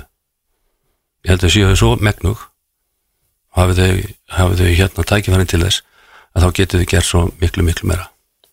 Þannig að það má bara það en er það ekkert óæðilegt menn geta staðið á torgi og gaggrínt og allt þetta en það er bara mjög það bara, væri bara mjög eðlilegt að fara bara í smá svona sessjón og taka þetta betur, hvernig getum við gert þetta effektífara? Jafnvel fyrir minni penning en svo þegar ég segja effektífara þá er líka jafnvel að þetta afla meiri penninga og það þarf ekki alltaf að gerast bara inn á þessari skrifstofu bara með því að KSI ráði inn fólk það er ekki alltaf að centralisera allan fendan þannig að þetta er bara að skoða þetta. Hvað með, með ITF sjálf, það var hérna eitt af sindólu sem ég fekk í vikunni það var hérna, ótrúlega satt það er ekki allir meðri liði. Að hérna þau vita það bara ekki. Uh, það var hérna það var sagt mér, uh, sem hún sagði í viðtælunum fóruðum að þið verða að stefna að, að stóra auka sem sagt peningar sem skrifstofan fær og að stækka, nú er ég bara svona hendur sér blind út ég, Já, það er, það er með þetta eins og svo margt annað að þeir svona kannski stundum tala þess sem að minnst hafa kynnt sér málin. Já, Nei, það er engin stefna í því að auka auka hlutanslegan kostnað skrifstúnar það er þver öfugt það er stefna ETF og það má nú kannski bara taka það fram þó að það sé engin mælikvarði. Nei, að það fara það verður herra hlutfall tekna ITF til félagana heldur en hjá þeim sem við erum að bera okkur sama við. En mælikvarðin er engin vegna þess að við erum að tala bara um allt aðrar efnaðslega stærðir sko. allt aðrar. Og þýðir ekki alltaf að vera með þetta saman. En það er alveg ljóst að, að, að hérna, þú þart einhvern svona lámarks starfsmanna fjölda til þess að geta gert eitthvað. Og ég held að þessi fjöldi sem við erum með hann þólir anskoti mikið álag til viðbótar. Þeir geta gert sko, máli er að við erum við erum sko fyrst settum við út frægið svo kemur þetta upp, nú byrjaði að spýra svolítið og það er komin jáfnvel epli á greinanar en við ætlum að fjölga þessu, við ætlum að stækka þetta við ætlum að fjölga því sem kemur á þessar greinar. Og við ætlum að gera meira og til þess þurfum við þennan hvað að segja basa til þess að vera með. Og ég held að við ráðum við miklu miklu meira. En það er heldur ekki hægt að segja sko að af því að það er hægt að bæta við þá sé líka hægt að fækka. Því að leðu gerir það þá nærði ekki tækifærunum sem er það og við erum bara svona að byrja að klæða okkur. Við erum bara á narbuksunum, við erum bara að fara í allt hitt. Það liggur allt annað mm. fataskápurinn er fyrir framann okkur, við erum bara að klæða okkur. Þeir eru þrýr Það eru þrýr fastið starfminn dag. Það eru þrýr, þrjár kennitölur Já. en það er 2,7 starfsíkili ok, ok Og en er þá hérna, stuttasvari eftir langarsvari plan að bæta einum við eða bara fleiri verkefnum á þessa þrjá? það hefur ekki verið talað um það að bæta við Nei, ok, ok. Hérna, því þú myndist nú aðeins á hérna sumafríð sem að nú heldur betur fengið uh, mikla umfyllun og hérna Aldars veit, Gesson var sko bara hann var svo D'Artagnan í skittur og þreymur að verjast árásum eh, hérna, Hjörfarsson í vikunni í stó, stórbrotnur yfirildi, skástur ekki vitali mm. eh, og hérna, svo sem hérna, mikill, mikill málsvari leikmanna samtakana en það er ekki mikill meðbyr heyrum með það svona úr fótbolta samfélaginu, allan til að byrja með eh, þú ert nú fyrsti maðurinn sem að tala nú um hérna atvinnum mennsko sín tíma, það er að segja tími versus hvað þú hérna sagt framlæg, tíma framlæg leikmanna Já. versus hvað hérna þú mátt ætlast til aðeim Mhm. uh, hvað, hvað segir þú um þetta? Já, ég held að þetta sé svona uh, kongur vill sigla en byr ræður ég veist skemmtilegt þegar að menn láta sér dreyma en svo eru þessar leiðinlegu staðrindi sem þælast fyrir manni. Mhm. hvað er hægt bara? Ég hlusta á hann í þessu. Og hérna sko það er, það er, það er þannig að bara ef við tökum fyrst ef við- hvort sem hún tekur eina, tvær, þrjár eða fjóra vikur út úr miðju sumrinu. Það er nógu helviti erfitt að koma þessum leikjum fyrir eins og þeir eru í dag. Og sér nú ekki að taka úr því lungað þá sem enn ok, þú bara bætir við annan hvort endan eða báða. Og svo mann tala menn um gæði valla og er nú sínt og heilat að tala um kaplagriga völl í fyrra vor. Þessi völlur sko bara fyrir þá sem heyra. Þetta er völlurinn sem er búin að vera besti völlur þessa lands í tvo áratví Já, Kaplakrafallu sjálfur já, Já, já, já, Hann var me, mestu gegn hefur nú, nú beinst að, að miðvangi sko. Já það var að því við gátum ekki bíl á hinnum Er rétt. Right. og við erum bara veikir á vitlusum tíma. Mhm. stundum vera veikir þeir, menn veikir þeir í vinnunni sko, og þurfum bara að fara heim. Þetta var þetta bara þannig. Og ég held að menn ættu stundum að taka það svolítið til sín að sem er að bjóða þess að gerðugransvelli sem eru stór hættuleg sko. og ekki bara á sumri, þetta er líka á vinna en látum það eiga sig. Að leiðu, leiðu, leiðu ferða við erum búin að tegja mótið veður, veðurfarslega núna.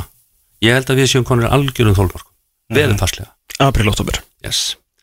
ef þú ferð að fara út í sikkot endan á þessu þá ertu komin í svo óstabilt veðufar auðvitað eru hann segir, já, við sjáum það núna maður það hægt að spila, í dag til dæmis hægt að spila. En þú kæmir það eru þið enda lausa frestanir. Og hvert fara þessar frestanir? Inn í mótið inn. Þannig að það er voðalega erfitt að taka undir þetta. Það, þetta er bara svona ég meina, þetta er bara síldavertið og, og þú ert bara munstraðum borð meðan síldavertin er. Nú maður eins og ég sjóvíkur, ég fóð þá bara ekki til sílda því ég gata ekki. Að, það, þú, menn fara inn í þetta og vita að hverju þeir ganga og um, það er alls konar stjættir sem að þurfa að þóla þetta. En þetta er En er þetta, þú veist Sælast eftir Fattur við hérna Öllu og fá okkar smá? Heldur það sé pælingin? Veist, Það- hann veit að, sko, veit, það- veit hvað heldur maður Það verður aldrei fjóra vegna frí já, ne, já, já, það, en, enda held ég, hann- held, held ég þið séu nú alls ekki að meina það. Þeir eru, ég vil að tala um eina, tvær vikur sko. Já. en ein, tvær vika þó þú, þó þú sért að segir að, að þú eigir að halda þér við. Mhm. og þetta, allt saman. Þetta er náttúrulega bara, þetta, þetta er bara ekki rétt. Þú ferði ekkert í frí og ætla svo að æfa eins og þú átt að æfa sko. þá er bara alveg gott að vera á æfingunni. Líka þetta að það að taka sér frí frá leiknum þú þarf þá einhver tíma til þess að komast inn í hann aftur. Það er ekki bara frítaðanir þú þarf þá að mæta og það þarf að vera einhver undurbúningur þess að þú, þú ert sko ef það er, ef það er að tala um júli svo erum við að tala um ágúst okkur er þá ekki september? Okkur ekki, ég meina er ekki hálf þjóðin á Tenerife á haustin? Mhm. okkur er á haustin að Lægðin. við nenni ekki að fara orðið í sömafrí á, á, á mitt sumar að það er ekki nóg gott viður þá fara þér á haustin. En láta það eða sig. En þú þarf þetta, þetta sko þetta gerir annað, þetta tekur úr taktin og mótinu. Gerir það. Og við erum nú nógu með við erum með svona alls konar upp, uppákomur sem að eigðalegja þennan takt sem þarf að vera. Og við öll viljum hafa. Og svo er bara það sem ég heyrði nú að Hjörvar var að tala um og hann er nú engin byrjandi í þessu þegar það kemur að data og betting. Þetta er bara það sem að trompið sem við höfum. Sölu vara þetta er bara, það er bara þannig og það, enn og aftur það þýðir ekkert að vera að reyna að gera lít úr því og segja að það lítur að vera hægt. Þú hringir ekkit í einhvern stórfyrirtæki út í heimi og segir, heyrðu, getur ekki samt svona séð gegnum fingurinn, við erum við litlir hérna heima. Og þetta er nú þannig að þetta er svona hins einn þakkaði fyrir, ég tala við einhvern annan. Þannig ég ég sé þetta ekki geta gerst og það er ekki vegna þess að menn vilji ekki gefa frí. Það hefur ekkert með það að gera. Þetta er bara eins og ég segi, þessi blessaði raunveruleiki. Það er við hann að díla. Sko aðri aðeins með leikmannasamtökin sjálf Því að maður svona, maður heyrir mjög ekki tala um leikmenn mikið um þetta sem er skrítið að þetta er alltaf leikmannasamtök ég átti með á, á hérna feringunni í því en bæði svona þú veist KSI og svona kannski, á ITF eða bara svona félagin sem maður er að tala við og maður heyrir í í öðru hlaðarp og svona það er rosalega lítil einhvern veginn húmor og bara einhvern veginn velvildi garð leikmannasamtökana og ég er svona bara að pæla af hverju og það var líka komið eitthvað mál það var eitthvað uppi hérna fyrir ekkert svo lungu síðan það var þið voru eitthvað teknir á beini, ég held að vera á fyrsta árinu eða eitthvað og um eitthvað skoðanakönnu og eitthvað bla bla veist, er þetta það sem Ardarsveitni hefur reyna að benda á er að, að náttúrulega, oft sagt engin dómar, engin leikur, náttúrulega engin leikmenn, engin leikur. Ég áttum með því að það er engin að fara að hætta því að hann fær ekki frífættur en er svona, er þetta að það sem að stopnanir og fyrirtæki og svona eru kannski ekkit alltaf mest ána með það eru verkefliðsfélögin því að þau eru svolítið að berjast fyrir herri launum og herri launateitum gjöldum. Talandi um launateind gjöld, það séu samningarnir þar inni það náttúrulega getur líka breytt lands, landslæðinu eru, e- eiga leikmennar samtöki bara undir högg að sækja bara að vera til. Þú veist, mér veist svona mjög lítill eitthvað meðbyr með þeim sko. Og ég er ekki að gagginu það, ég myndi frekar halda með þeim heldur en á móti en er erfitt fyrir ITF og KSI bara að leikmenni séu byrjar að, brýna brjóst sína nei, nei, það er ekki. Ekki þeir sem að svona átt að sjá veröldunni eins og hún er í dag. Mm. og ég meina þetta eru, þetta eru leikmanna það eru leikmannasamtök á evrósku vísu sko. Já, samtök þeirra. Aftur bara eins og með okkur í ITF og KSI og félögin við verðum bara aðlaga okkur að aðstæð hvar við erum hvernig við erum að gera þetta. Og ég hef enga enga, ef ekki hortni síðu manna þó þessi að reyna að taka sér saman og, og, og, og það alls saman. Það væri nú nú svolítið skrítið að það kemur úr mín mann, munni en, en, en, en þetta verður að byggja á einhverju sko, það, því, sko, ég er svolítið þreyttur á því að segja sko, já, þeir geta bara gyrt sig í brók og gert þetta svona á hins einn já sko, efsta deildin, besta deild Karla og besta deild Kvenna og Íslandi það eru liðin sem taka þátt í Európakefni til dæmis og er að máta sig við önnur félögu í Európu þau eru í grunninn rekin af sjálfbál og það er svolítið frekt að segja jæja þið, þið verður bara að hlaupa hraðar og selja fleiri gler að því við þurfum að fá meiri penning þá benda menn á það að jæja þið, þið er nú alltaf að hækka launin þið er alltaf að kaupa dýrar leikmenn og, og þetta gamlingja uh, þaður sko eins og þessi einhver mission hjá félögum að kaupa dýra gamla leikmenn og komið vekk fyrir að ungir leikmenn spili. Þetta er bara ég, hef aldrei ég hef búin að vera nokkur ári í þessu. Ég hef aldrei heyrt kollega mín að tala um þetta. Mhm. draumur allra er að fá þetta unga leikmenn upp sem geta spilað en þá er staðrindin líka svo og veröldin að þeirra draumur þessara ungu leikmanna er að vera annar staðar en hér til framtíðar. Mhm. þannig að þú nýtur þeirra allavega þessara bestu þú nýtur þeirra svo stutt. Síðan er líka annað að þegar þú ert að reyka fótboltafélag það er 11 inn á og 11 stöður þar lægandi og þú getur ekki tringt í úlingar og að segja nú vantar mig eitt bakvörð og fjóra framherja og allir að vera yfir 1.90 sko þetta er ekki tyggjóðis með sko þannig að það vantar inn í. Og þá þarftu náttúrulega að fara og kaupa það.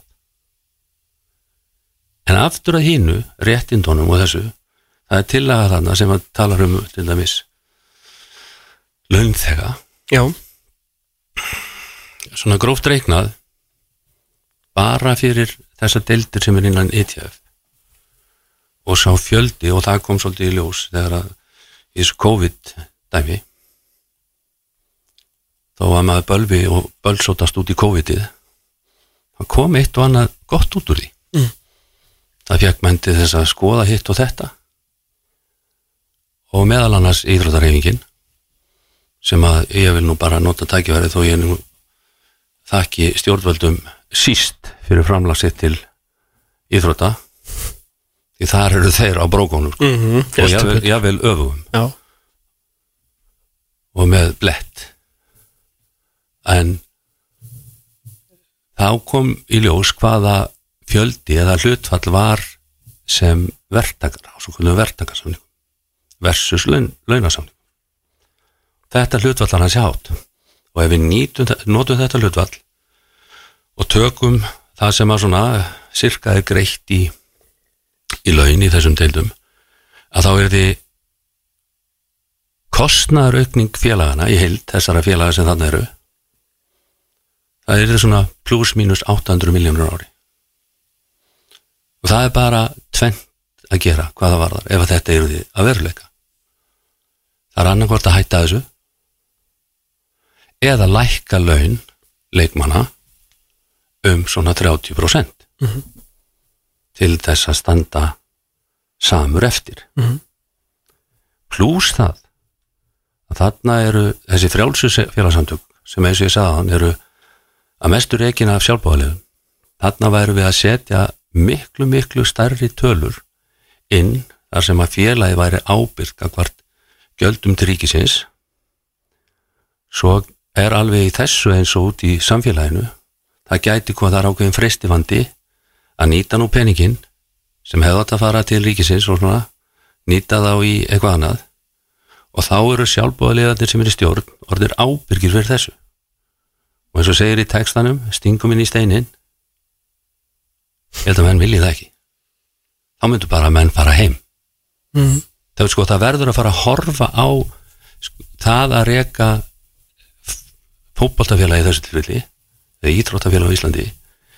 Þó þessi sjálfbóðaliði þá fylgja því það er enda lust verið að sitja á því ábyrð og þar fer ríkið fremst sko. Eira engu. Alls konar en að það fylgir peningur? Þau veit ekki hvað það er. Er ekki útópíðan í þessu þess að, ég, ég held eitthvað að þetta er væri draumurinn bara upp á að þetta væri meiri hérna, uh, bara meira öryggi. Vist, ef að allir myndu taka bara byrjum bara á bestild kalla að það er bara 12 formana bara handaband. Mm. við lækkum launum um 30 en allir vera laun þegar er það ekki draumurinn? en ég, ég, ég sko ég sé ekki munin. Það er að segja fyrst, nummer eitt, það er samlingafrelsi í þessu landi. Rétt. Right, göngum út frá því. Og samningur á milli tveggja aðila hvort heldur hann er verktakasamningur eða launtegasamningur hann skal standa. Ég skil ekki munin. Hvað, hvað er pointið? Er ekki, Af- bara, er ekki meira öryggi með varandi Fyrir hvern? Fyrir uh, sem sagt, verktakan sjálfan. Nei, já, fyrir, sem sagt, Fyrir þá launþegann sem já, þægir já, já, þá- veit ég, já, já. Já, sko, starfsmannin starfsmannin sko þá þyrfti að koma alls konar önnur ákvæði inn. Sko ég veit ekki um marga launþega sem gera til dæmis þryggjára samning. Nei, nei, nei, mitt, já. Það er sko já. við, þú veist aðalatri er þetta fyrst, nummer eitt og þrjú. Viljuru vera launþegi og spila fótbolta fyrir félag? Þá gerir þú þann samning eða þessi tveir aðilar eins og þeir telja best. Það þýðir auðvitað ákveðið að launa greiðslan hún þarf þá að lækka. Ok? Ef þú metur það þannig að það sé bæti upp að öryggið bæti það upp þetta er svo kallað öryggi sem þú talar um þá er það bara fínt. Ok, ef einhver svo kemur annar eða önnur hún vil gera þetta sí og þá gera það bara þannig. Hva- hva- sko við og við skulum ekki fara yfir það hérna það er nógu mikið djöðsugl þetta, síndi sér bara í þessu Morten Beck máli. En auðvitað það að vera verktaki þú þarfst auðvitað að standa þína plikt eins og bara allir aðrir í þessu þjóðvilegi þú getur ekki getur ekki verið bara að því út fótboltamaður þá getur ekki gert hitt og þetta. Það er engin afsökun. Engin afsökun. Nei, og kannski náttúrulega einhverjir sem að vilja vera verktakar uh, líka mættilega menn í annari vinnu, sko. Já, svo er þetta að tala um lámarslun já, 100.000 þetta er bara ólöglegt.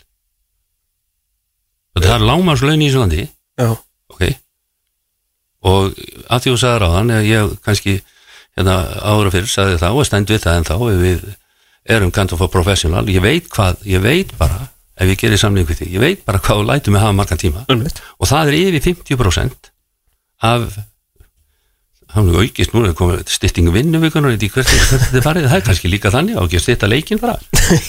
Að hérna og Andri Ramos var nú Nei, nú ætlum ég ekki að vera, maður má ekki vera neðalegur Nei. en, en sko, og það þýðir það. Ef lágmánslaun eru þannig einhver staðar, ég veit ekki hvað það eru alveg, segjum að það séu kringum fjögur þá er 50% 200, ekki? Ekki 100, jú, jú, jú, svona sagðvægt almenn starfræði right. Nei, það er sko, það er svo margir það er margar hliðar á þessu. Svo þetta komið ég veit ekki, mér finnst þetta svona uh, en ég fagna sko, ég fagna allum sko, mér finnst gaman að Rebels. Já, já, það ég bara að fagna þeim. En þeir verður þá líka að, hérna, að geta tekið sönsum líka sko. Já, og það, breytingar gerast aldrei ofan frá og niður, það gera neðan frá upp. Já. Svona mínu, í mínu bókum. Það er auðvitað vika í að eh, einn af þessu þremur verður nýr formaður. Ertu, ertu ofinberstuðnismæður einhvers? Nei, ég er það nú ekki ekki ofnber því að hérna Skrítlan segir þó að hún sé hann þreytt ef ég lýsi yfir stuðningi við einhvern Kostuð hans? þá er það kostið hans. En ég held nú að, að hérna menn hafi þetta svona meira sem grín heldur en alvöru. En e- eitt er í þessu að, að hérna ég hef nú sagt áður og segja þeim ég skilja aldrei við höfum lent til dæmis núna með tvo tveira síðustu formunum sambandsins. Hafa bara byrjað til sjós sem skipstjórar. Ég bara, ég, ég, ég bara skil ekki þetta dæmi sko, Byttu, nú sko það er að segja Já. Þegar þú tekur að þér þetta starf þá er ekki, sko það er engin reynsla í rekstri íþróttafélaga íþróttasambanda að Já, vera meina hann tók ekki hásett og stýri mann eða þau, annar staðar. Yes, Já, já, ég sko það er spurning hvort það þurfi ekki að fara að setja einhver skilirði sko fyrir þessu. Er að setja alls konar skilirði með ekki setja lengur og með ekki vera svona gamlir og með ekki hitt og með ekki þetta. En það, það er sko, það er, en það er engin engin indökuskilirði Nei.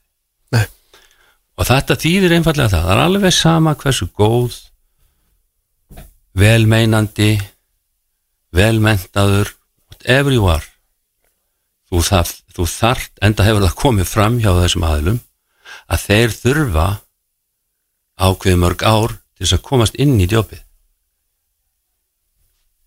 Þannig bara verið að eigða peningum í kennslustönd sem að menni að kennslu, kennslu, þetta er bara kennslugjöld sem að aðrir er að greiða, ekki við þetta er, fyrir mér er þetta algjörlega klart og eh, ég vil meina að, að, að hérna sambandið hafi borið svolítið skarðan hlut vegna þessa. Nú um, það er alveg ljóst að við höfum talað fyrir því að kerfið sé ekki rétt. Það er að segja að mér finnst að skrítið að formaði sé laun þegar sambandsins svo segja menn ég að það er ekki hægt að gera það öðru ég er ekki að segja að það er ekki að borga formannin neitt En nú er svolítið umræðan að sérstaklega á þessum erfiðu tíma að verði að vera á gólfinu. Að þau meina sér fyrir að rétta skotun af. Já, og enga frangaldstur á það Jú bæði. Já, ok. Það gengur ekki upp Það er ekki, sko Stjórnulega er það ekki hægt. Það, það, það, það, það, það tapar öllu sem kallast sko svona einbeitni. Það er þú, kerfið er þannig það er stjórnahundur svo sitja misgáfaði menn í stjórninni og það tekir einhver ákvörð og franganstjórunum og starfsfólkinu er ætlað að koma þessu í framkvæmt og að klára þetta. Og formaður bara já, stimplar ákvörðuna svo líða einhverjum mánuðir og já, já, er þetta búið og þá er formaðurinn að, sko, að því hann hefur verið að vinna í þessu, þá er hann orðin líka sko, undir við hliðin, þá er hann komin í hliðin á frangandastjórun og, og, hvernig, á, hvernig á það á hann að þá að gaggrína ef hafið þetta ekki tekist á hann þá að gaggrína sjálfan sig? Eða á hann þá að steppa út og kenna frangandastjórnum allt saman? Þetta er engin, þetta er engin bragur á þessu. Það er engin að segja það og ég til dæmis held það að, því að mikið af starfsumhverfi frangandastjóra, nei hérna formansins það er þessi samskipti það er þessi vera í öðrum samböndum hitta hana fólk og vera út og suður sem í sjálfum sér hefur ekkit með hennar daglega rekstur að gera. Þess vegna á bara að aðskilja þetta. Og þá er náttúrulega bara þá að, þá að borga fyrir það en þá getur líka ætlast til miklu, miklu meira af þeim sem er á gólfinu. Þá frangvæntastjórunum framkvæmtastjóranum og þá var að vera þarna framkvæmta teimi sem er þrýr top of the class og, og sem, að, sem að vinna sína vinnu og klára sig af hlutunum. Í stóru myndinni þá verður mennir að tala um að að hérna hafi eitthvað að gera með afkomi sambansins hvort að forma hann sín á gólfi að gera hvað? Var sérst í mótamálum eða, eða hverju? Nei, ég meina að þú veist það er stjórni sem að, sem að setur línuna og það er, það er fólki sem vinnur á gólfinu sem að vinnur línuna. Þannig er þetta Já, og til, að, til að taka undir þetta því leiti og, og þá veit ég fyrir víst að í síðustu úttækt sem var gerð á KSI sem var nú út af öðrum málum þá þurftur náttúrulega að fara alveg hún í kjölinn á hérna, þetta var náttúrulega ekki skrifa upp það var ekkert verið að ræða um þetta það var náttúrulega í st- st- storminu mikla að að eitt af því sem að tölur gáðar að fólk heldur en ég og við flestir hérna sem gáðar ímsu að hérna, komst að því að, að þú veist, það tekur undir þetta að bara stjórnun eða hvað var að segja, skipurinn sambandsins bara meikar ekki sens. Nei, það, það er sko þetta, þessi leiðinlega uppákoma þetta, þetta er bara þetta er leiðinlega umulega dæmi. Já. alveg sama hvar þú kemur að því. Það er svolítið, öfulegt það, það, það er skýrasta byrtingamyndin á því að kerfið og þá getur þú tekið fólkið út fyrir sviga er rámt Mhm. menn hafa spurt sig að því er það kerfið, kerfið eða fólkið ég held að þú verður að byrja á kerfinu. Þannig að þú sjáur í rauninni hvernig fólkið er. Já, ég meina, fólki var bara að vinna innan kerfisins. Já, já. En, en þetta, þetta, þetta var bara ég, ég, held að, ég held að vona að við séum komnir út úr því að, að mestu. En hérna ég, það sem er að koma núna ég held að menn þarna þurfi að, þurfi að skoða það, hvað er það og þetta er dauðans alvara. Þetta er dauðans alvara að kjósa fólk til fórustu innan KSI það er dauðans alvara. Og það búið að vera allt of lengi hérna. Hvað, kýrst ekki kalli? Hvað við erum búin að vera sama lengi. Ha? Þetta er svo mikið þvæla. Þetta er dauðans alvara og það verður að vanda þetta. Þannig að þetta er náttúrulega lákara sér í gangi núna, sko Já, ég, sko, Það er bara- ég, ég, ég, ég, og, og, og, svo segir maður aftur þegar að menn er að kvart og kveina yfir, yfir, yfir veitu, þú átt bara að skilja það sem kvöskalli minn. Og verður bara ekki að væla. Ef að, ef að fólk tekur þessu ekki alvarlega og hugsar ekki um það hvað þarf til til þess að gera þetta þannig að þetta sé lagi og þá getum við bara farið í einhver allt, allt aðra báta og annan leik. Já, ég meina, þetta er bara svolítið þess að vera, þú veist, á að setja X við ákveðna flokka og vera svo ekki að tissa sé ekki lögðarsvöldur, sko. Jú, jú, og, það, og þú, þú nefndir það að, að, að, að bróðið minn fái, fái til dæmis senuna. Heldur betur. Já, sko, bara svo maður, hérna opnið sér með það. Finnst ekki skrítið að það er einhverju tveir bræður úr hafnafyrði sem hafa á sig einhvern orð og svona einhvern, það er er einhvern djók að þetta eru mennir sem tala á þingum. Jú, jú, það, það, það er bara lýsandi fyrir þess að það er svona bara ég aldrei skilja hvernig hún ennir þessu. Nei, það er sko ég þá fáið nótt tækjaveð Áskjör Örn Hallgrímsson til hamingju með færtu samanlið því að ég var rifin úr því og hérna skemmtilegu partíi Núna? já því með ég bara hafa En- en- fyrir með ammali hádeginu? Nema við náttúrulega. Já, þetta er besta er þetta rétt. En, en, en hérna en hérna skal sé ykkur að nú tapaði ég mér hérna ég vil að málan gamall. En, en uh, nei það þarf bara það þarf að, að upphefja það, menn þurfa að koma lesnir til þings, menn þurfa að hafa skoðanir. Rétt. Þar þurfa ekki að menn er alltaf, já þú er svo umdöldur og hvað? Gerir það eitthvað til? Ég veit að það er hellingar á mönnum sem eru sammála mér en það er líka hellingar á mönnum sem að hafa aðra skoðun. En komið þá meðræðir. Ekki segja bara já, það er bara, svona, hún fór stútt símuna og engin veit neitt sko Við-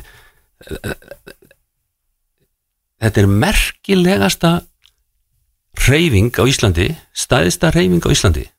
Að vísu var leiðréttur á einum leiðutaka mínu nei það er þjóðkirkjan en ok þetta er, þetta er svo stórmerkileg reyfing og við erum að gera grína þeim að í Amríku þeir get ekki kosið sér fórsetar sem er ekki komin og svona, er ekki að grín.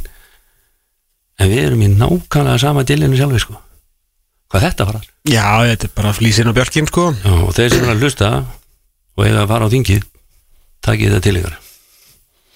Algjörlega. Býstu við jöfnum formannskostningum? Já sko, nú er þetta þannig að þetta eru þrýr Mm. og þrýr geta ekki fengið 50% Mhm. en eitt getur fengið það. Ég býst ekki við því. Önnurum ferð Önnur er ferð það þýðir aðra umferð og ég held að þessi ön- önnur umferð verði verði jöfn, ég held það. Já.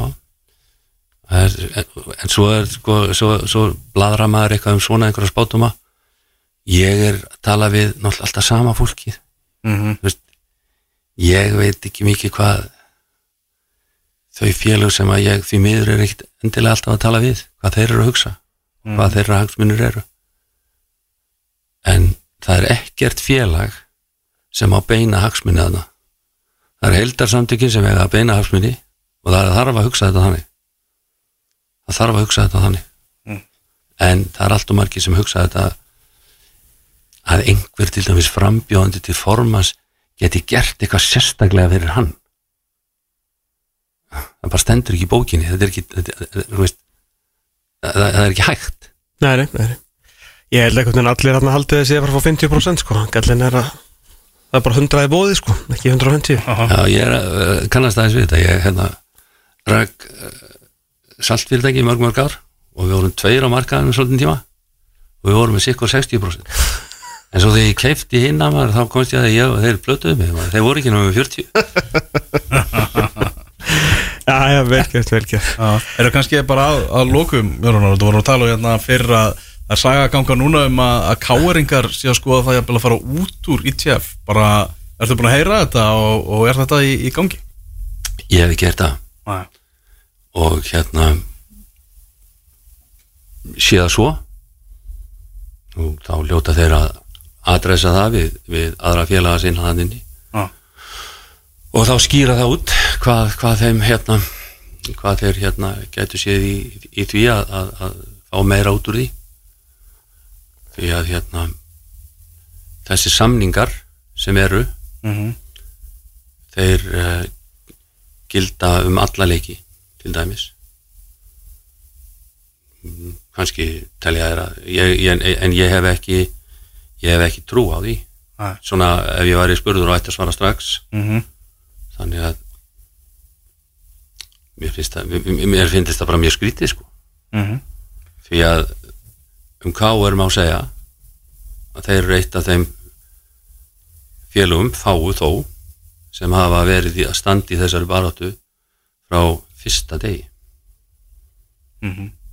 og um, Ég er ekki bara einn af hólsteinum í TF Hversu? Er ekki káður einn af bara hólsteinum í jú, TF ég meina það er, það, er, það, er ekki, það er ekki mörg félög sem geta státa sig á því. Nei. en þau eru nokkur.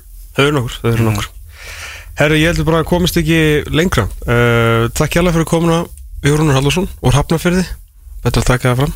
Uh, Til ham ekki áskýr örn.